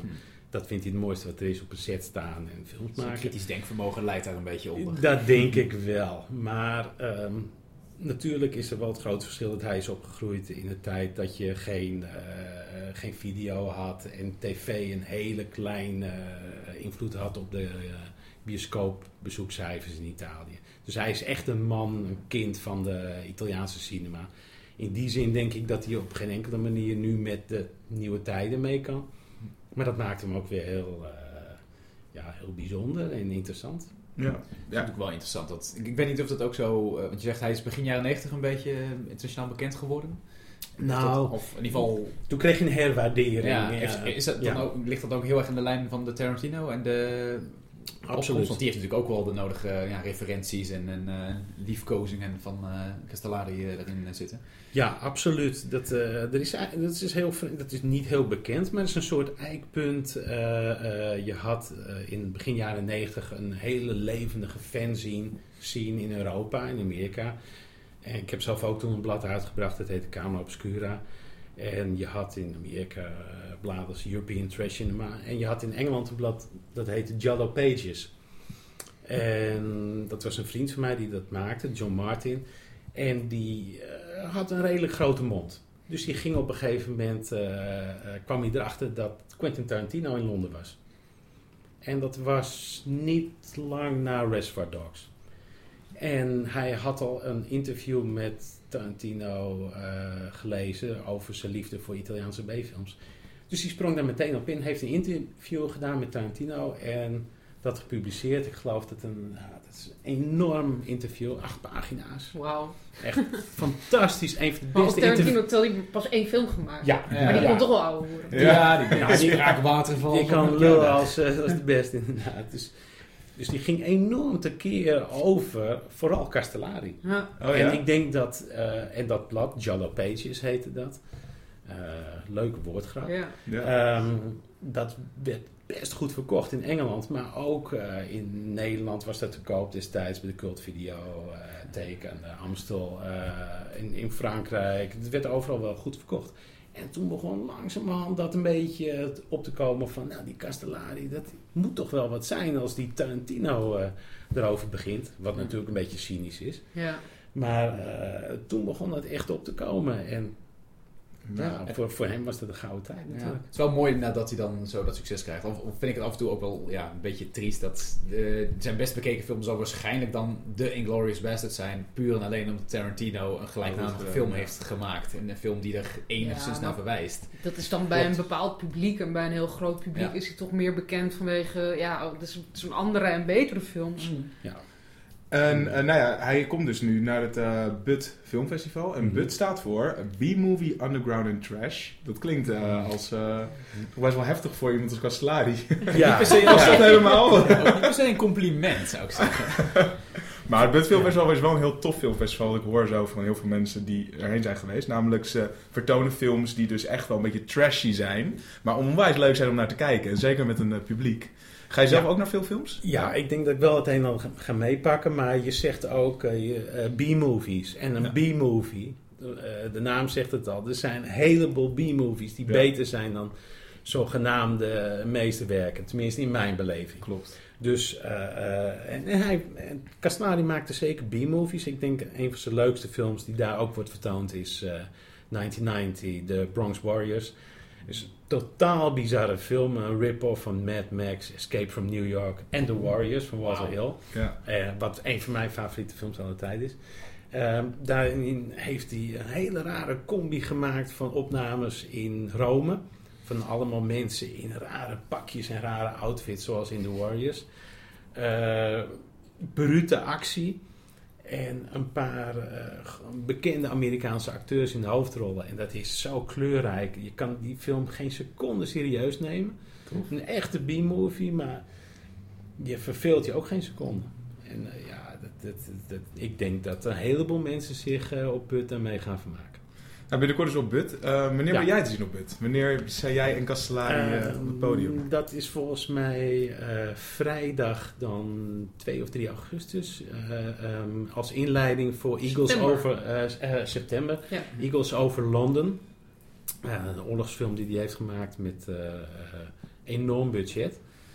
Ehm, ja, ik ben heel benieuwd hoe die film bij het publiek gaat vallen. Want dat is Ja. toch niet een van de meest bizarre films, maar wel leuk om te zien op een groot doek. Hij wordt op 35 mm vertoond, Hm. wat heel bijzonder is. Die film is eh, destijds, destijds wel in Nederland uitgebracht ook, maar nooit meer te zien geweest. En eh, ja, die komt een beetje in een tijdcapsule, denk ik, eh, Ja. met de films van eh Castellari tijdens het put. En eh, heel eerlijk, ben je een beetje zenuwachtig om je held te ontmoeten? Of eh valt het mee? Nou ja, eh, nee, niet echt. Ik Nee? kijk er heel erg naar uit. Nee, Tof. Goed zo. ik smiddags eerst een interview doen eh, voor Schokkend Nieuws en dan eh, 's s'avonds eh, voor de zaal. Dus, eh, Leuk. ja, het wordt volgens mij heel leuk. Die man eh, heeft mooie verhalen te vertellen. Hij, is er ook, hij doet dat ook nu een beetje in de nadagen van zijn leven heel veel. Hè. Hij komt op festivals en hij signeert. En ja, de, de, de, de truc is, de kunst van een goede interviewer is om hem een paar verhalen te ontfutselen die hij eh, waarschijnlijk niet iedereen vertelt. Dus Ja. je moet er ben diep je het in meest duiken. benieuwd naar?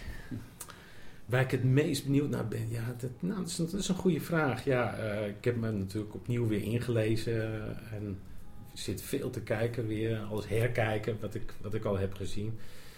Ik denk dat het leukste is om van hem het enthousiasme terug te zien tijdens het interview en hem echt te horen vertellen over hoe het filmmaken was in de jaren, vooral de jaren 70, midden jaren 70. Als hij gaat vertellen over de vaste vriendengroep die hij had, want dat waren vrienden waarmee hij films maakte.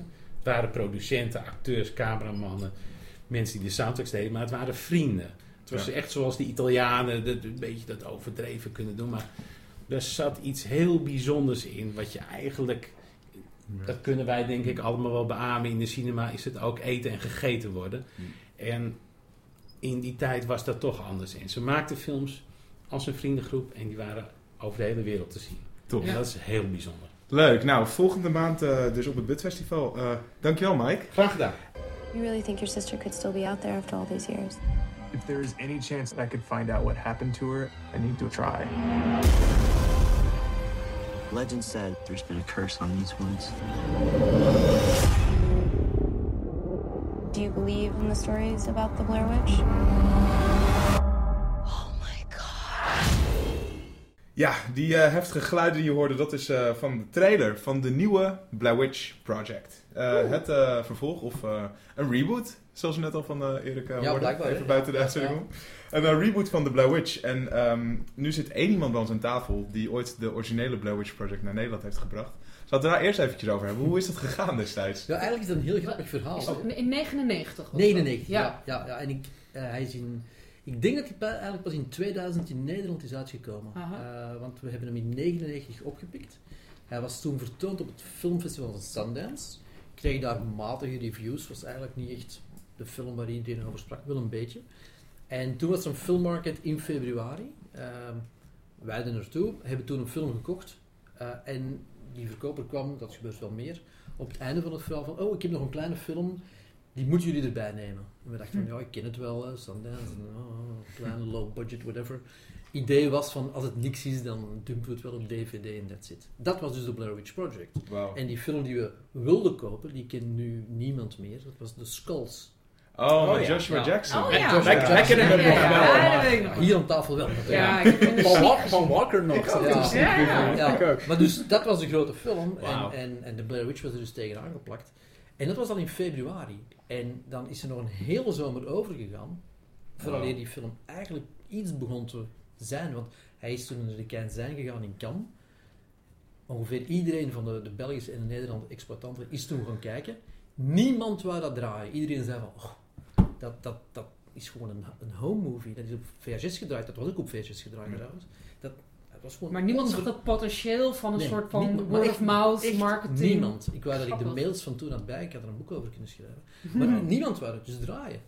En dan is er dus die, die fameuze zomer gekomen. En, en Blair Witch is toen de eerste film die social media, wat het toen ook was, Ja. eh, of wat het toen voorstelde, heeft er een, een rol in gespeeld. Men is dat toen in de, in de States heel klein beginnen uitbrengen. 300 prints, 500 prints, 700 prints. Heeft nooit nummer 1 gestaan, als ik me goed vergis. Maar is dus wel een enorm fenomeen geworden. Ja. En dan zijn we pas in België, ik geloof in november uitgegaan. Tegen de nieuwe Star Wars die toen uitkwam. Zulk Star Wars deed honderd keer meer, behalve in één theater waar we natuurlijk een gigantische campagne mee gemaakt hebben van Blair Witch verslaat de Star Wars. Wat niet Hm. waar was, maar het werkte wel. Ja. Ehm, en dan werd ook daar een fenomeen. En dan pas vier of vijf maanden later zijn we in Nederland uitgekomen. Dat zou nu ondenkbaar zijn. Hè? Ten eerste Ja. zou die film in Sundance al lang door een studio zijn gekocht. End of story. En het zou hier op DVD of VOD worden gedumpt. Want het was een kleine film. Ja. Maar dat soort beleving, of dat soort campagne, of dat soort hype creëren Mhm. op zo'n lange periode, dat, dat is, dat is volgens mij onmogelijk. Maar dat is daarna nog één keer gebeurd met Paranormal Activity. Ja. Maar op een veel kortere Ja. tijdspanne. Ja. Ja. Dat was echt een paar maanden tijd dat die film er was. En dan ging die hele wereld rond. Ah. En ik denk ook toch kleiner. Ik bedoel, de Blair Witch Project, dat ging heel breed. Ja. Ging dat verhaal zo rond. Ik weet, er ik weet nog letterlijk dat ik ervan hoorde. Dat mensen dat tegen me zeiden. Van, oh, dit is echt... Dat moet je zien. Het is allemaal echt gebeurd, dus Ja. ze zijn echt Ja, gebeurd of Ja. niet. Er was wel Maar- een beetje twijfel bij, maar Ook, toch. ook bij ons, al ja, met de, het was een heel klein team met wie we toen de film hebben uitgebracht. Dat wij, toen wij de film zagen, dat we dachten van... Niemand gaat dit geloven, niemand gaat dit pikken. En, Nee. en op een of andere manier ja, is er dan een... Ja, Maar had dat echt met ontstaan. esthetiek te maken? Dat het, wat je zegt, het zag er niet uit als een film. Dat dat toen toch echt nog wel een... een hoe zeg ik het? Het was niet de allereerste found footage volgens mij. Er zijn een soort van varianten Ja, er geweest. wel, wel Ik geloof dat, ik weet niet, ik geloof dat Howard Hawks het heeft gezegd van de beste films die gebeuren per ongeluk. En ik denk dat dit ook daar het beste voorbeeld, het is niet het beste film aller tijden, hè, maar het is een film of een Ja. succes dat per ongeluk er gekomen is. Maar niemand zag het erin. Dat het verhaal gaat ook dat eh, Mi- Miramax, die had een heel leger van mensen over de hele wereld die dan scouten en dingen op moeten pakken. Op moeten pikken. En Harvey Weinstein die heeft toen zijn hele acquisitiestaf in één keer ontslagen. Omdat niemand. Ze hadden niet veel ja, niemand erbij wordt. Wat zou, wat zou hem voor een minimaal bedrag kunnen binnenhalen en een Wow. miljoenen Ja. erop kunnen verdienen? Maar dat is... Het is voor mij nogal een dramatische ervaring geworden, omdat ik, ik was 15 toen die film uitkwam. Eh, en ik eh, woonde in Heilo en ik moest dan eh, ongeveer drie kwartier fietsen voor de dichtstbijzijnde Oh, bioscoop. nee. Oh. Waar dus de Blair Witch Project draaide. En ik weet nog heel goed dat ik daar aankwam samen met twee vriendjes. En dat eh, de kassa mevrouw vroeg, hoe oud ben je eigenlijk? Ja, 15. En zij zei, ja, jammer joh, dan mag je die film niet in. En toen heb ik echt staan huilen voor de bioscoop, Oh. omdat ik het heel graag wilde zien. En toen, eh, ik We werkte hebben bij daar een toen een foto van genomen en dan ging ik erbij. Dat dacht ik al. Maar dat helpt ook niet als je gaat staan Nee, dat je. zeker dat je, dat je er nog niet ik had ook wel stoerder moeten zijn. Ja, dat, Ah. ja dat, dat was dan het enige wat me aan het huilen kon krijgen, denk ik, toen. Horrorfilm. En uiteindelijk wel eh, zes maanden later of zo eh, vier keer op een dag gekeken, omdat ik het zo'n tof film vond. Ja. Dus ja, en nu, mijn grote droom is altijd een, een vervolg op de Blair Witch Project. Niet The Book of Shadows, maar een andere, een echt Onderschatte vervolg. film hoor. Een onderschatte film. Ja. Eh, en die is er nu. Eh The Blair Witch, of hij gewoon... Gewoon Blair Blair Witch. Blair Ja, Witch. zonder project, zonder lidwoorden. En eh wederom hebben ze toch weer een trucje proberen uit te halen. Ja. Ehm, misschien kun jij dat... eh, Nee, ik weet Oh, jij hebt helemaal geen idee. Oh, Nee hoor. dat weet jij dan vast wel. Ja, nee, ze hebben, ze hebben de film altijd aangekondigd als The Woods. Ehm, Nee. De meest generieke titel voor een horrorfilm Ja. die je maar kunt bedenken. En, en, een, en een heel generieke campagne ook tot in Cannes eigenlijk. En dan hebben ze recent op Comic Con geloof ik dat het was. Ja, eh, was plotseling ja. gezegd van The Woods Tadaa. is Hier is de trailer. Blair Witch. Ja. Ja. Ja. Ik heb een verslag gele- gelezen sorry, eh, van iemand die, eh, die daar was. En die zei ook van, ik ging, eh, Comic Con ging ik naar The Woods toe. En hij zei dat allemaal posters hingen van The Woods. En ze hadden al niet zo heel veel zin. Want ja, het klonk alweer als de zoveelste horrorfilm. En ze gingen de film in. Het werd dus toen duidelijk dat het de Blair Witch was. Die film is helemaal afgelopen. Ze lopen naar buiten. Alle posters waren vervangen door Wauw. Blair Witch posters. Iedereen had in plaats van The Woods shirts ineens Blair Witch shirts aan. En Leuk. toen was ineens de... Ja. Dus ze weten nog steeds wel hoe belangrijk marketing is. Ja. Hoe interessant, eh, hoeveel je daarmee kunt bereiken. Ja, ja, ja. Maar Uit het, zo'n het, ander soort tijd. het, het grappige is ook, van, het, het, zijn ook de mensen erachter die, die er een enorme rol in spelen. Hè? Want de man die in de tijd als, als internationale verkoper het, het potentieel zag in Blair Witch, is nu ook de man die deze reboot Oh ja? eigenlijk het groen licht voor heeft gegeven. Dat was een uitgeweken Belg trouwens. Patrick Waxberger heet die man.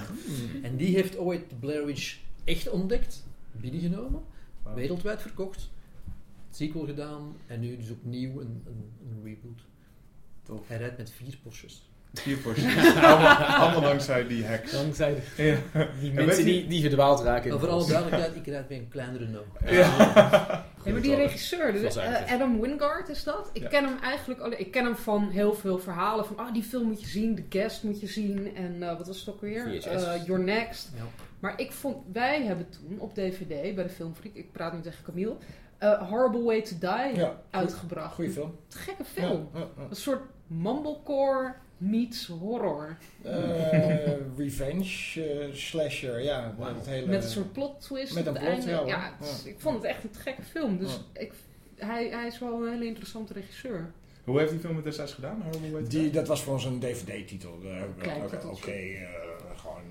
Lekker DVD's van verkocht, verder niks aan hand. Wel bijzonder dat zo'n regisseur, die anders met zo'n kleine titel, nou het gebeurt ook al vaker overigens, toch wel nu een enorme... Ik vind hem wel echt zo'n indie-regisseur. Hij zat een beetje in, de, in die XYZ-stal, als ik me niet vergis. Mm. Eh, Leg uit. XYZ is een eh, eh, Los Angeles-based productiebedrijf die met heel marginale kleine horrorfilms begonnen zijn, maar zijn ook later begonnen ze met die, die The Raids en zo. zijn er is veel eh, martial arts en, en grotere film. en, eh, Oké. Maar er zit ook wel, het is wel een tendens, hè. je ziet wel meer kleinere regisseurs plotseling Ja. grote films maken. Jurassic uh, Dus. Ja, het is volgens Ja. mij dat de business heel erg aan het veranderen is. Dat de studio's echt iemand aan willen wijzen die ze goed kunnen beheersen. Dus Ja. heb je twee kleine indie films gedaan die wel leuk eh, waren, dan alsjeblieft, hier heb je de Ja. grote franchise film. Ja. Ga maar een Jurassic Park of een, of een Star Wars maken. Ja, eigenzinnig Bij- genoeg om een Ja. soort van visie te hebben, Ja. maar wel jong en, en Onervaren, kneedbaar. ja. Onervaren, Ja, dat, is een heel andere discussie, maar dit, ik baal er wel van dat er tegenwoordig bijna geen enkele eh, grote films meer worden gemaakt door eh, regisseurs op toppen van hun kunnen. Nee, Nee is ook jammer. Dat, eh, je had het straks over Jurassic Park. En ik bedacht me vorig jaar toen Jurassic World uitkwam van wauw, Spielberg maakte die film toen hij al 20, 25 jaar bezig was. Ja. En echt zijn, zijn vak helemaal in de vingers had. En tegenwoordig is het zo, oh je hebt een leuk indie filmpje gedaan. Nou alsjeblieft ga maar een nieuwe Jurassic Park film maken. ja, ja. Maar goed, dat is een hele Hollywood tendens natuurlijk. En dat is, maar goed, wat dat betreft wel interessant dat dus, dus, eh, mensen zoals uh, Winecart inderdaad dan... eh, Dat ineens gaan doen. Ja, niet per se een heel grote film, maar wel iets wat een beetje in het verlengde ligt van Ja. wat ze al hebben gedaan. Wat hebben jullie hier zin in, The Blair Witch? Gaan jullie erheen in de bioscoop? Nou, ik vond het eerlijk gezegd toen niet boeiend en ik laat hem nu ook aan me voorbij gaan als ik zo vrij mag zijn. Ja? Ja, joh. Tuurlijk mag het zo vrij zijn. ik heb er wel zin in hoor. Ja, Jij ook. ik eh, kan niet wachten. Ik, Nee. eh, ik hoor eh, de goede recensies al dus uit Comic Con komen. En Erik, jij hebt al eh, 20 minuten Ja, gezien. ik heb 20 minuten gezien, maar ja, daar kan je geen film op. op. Jawel. Ja. Willen een oordeel Dat zeer, nee, dat, dat mag niet. Nee, een film, kan- een film kan, kan heel goed gaan, gaan en dan toch in de va- laatste vijf minuten nog ontsporen. Dus, Ja, nou, als ik, als ik ook wel een kleine kanttekening bij mag plaatsen. Ik bedoel, het, is het, het verhaal. Het gaat over een jongen die op zoek gaat naar zijn zus. Die ooit in de bossen van eh, Maryland is, eh, is verdwenen. Nou, drie keer raden wie die zus is. ja, ik heb zo'n vermoeden. Die snotterende Heather. Die, eh, Ja.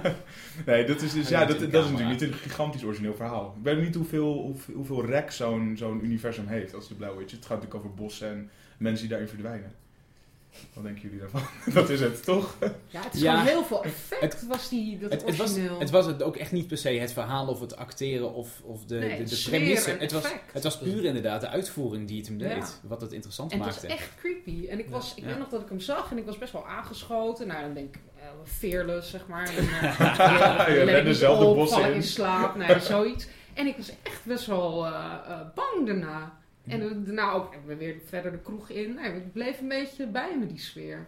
Maar je ziet eigenlijk niks. Nee, nou, helemaal is de het premisse einde. van elke goede genrefilm. Ja. Ja, met Ja. zo min mogelijk middelen Ja. zoveel mogelijk bereiken. Ja. Ja, ja, ja. Jerry, heb jij er ook een beetje zin in? Of ga je hem niet zien? Eh, ik zal hem uit een soort van eh, loyaliteit wel gaan kijken. Ik heb de eerste film trouwens ook maar één keer gezien destijds. En volgens mij pas na twee jaar toen hij een keer op tv Echt? kwam. Dus ik, ik heb het nooit heel erg meegekregen. Maar ik was toen nooit zo ontzettend geïnteresseerd in horror. Nee. Dat is inmiddels wel weer een beetje aangetrokken. Maar het heeft even moeten groeien. Dus dit was niet per se mijn... eh, had niet zo dezelfde impact op mij als hij destijds op jou had. Nee. Want ik was wat minder vatbaar voor dit genre.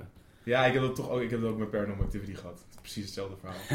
maar eh, nee, ik was even aan het vissen naar het eh, volgende Schok het Nieuws podcast uitje. Want we gaan naar de Shallows met z'n allen. ja. Ik dacht misschien dat we dan als volgende meteen de Witch kunnen Nou ja, we Ja, kunnen, er- we kunnen er een dubbele Ja, beeld van maken. Misschien, eh, misschien dat het leuk uitpakt. Basje, wat, eh, waar is alles te zien deze maand? Ehm, nou, allereerst moet je dus naar het But Filmfestival.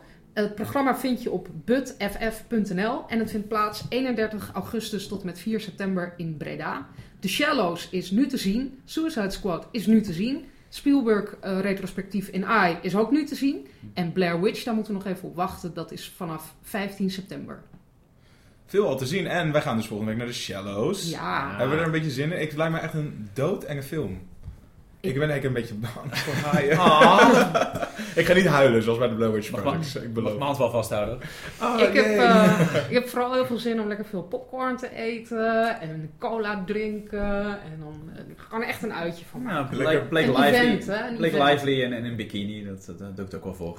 Blake Lively die, aan het, eh, die geteisterd wordt. Ik bedoel, daar heb ik ook wel zin in. Ja. Kijken hoe... eh, Gestalkte vrouwen. gestalkt, ja, door een haai. dit keer. Ja. Eh, nou, tof. Ja, ik, eh, ik was echt super blij met onze gast vandaag. Het was echt heel, ge- heel gezellig en tof om een beetje een in-depth eh, look te krijgen van de dis- filmdistributie. Ja, Dus ik wil nog één ding zeggen. Ja. Schokkendnieuws.nl Ja. Mm. en podcast.schokkendnieuws.nl. En dan zijn we natuurlijk ook nog te vinden op Twitter en Facebook en al dat soort praktijken die fietsen er heel subtiel in. Ja. Oké, nou jongens, tot de volgende keer. Joep! Doei!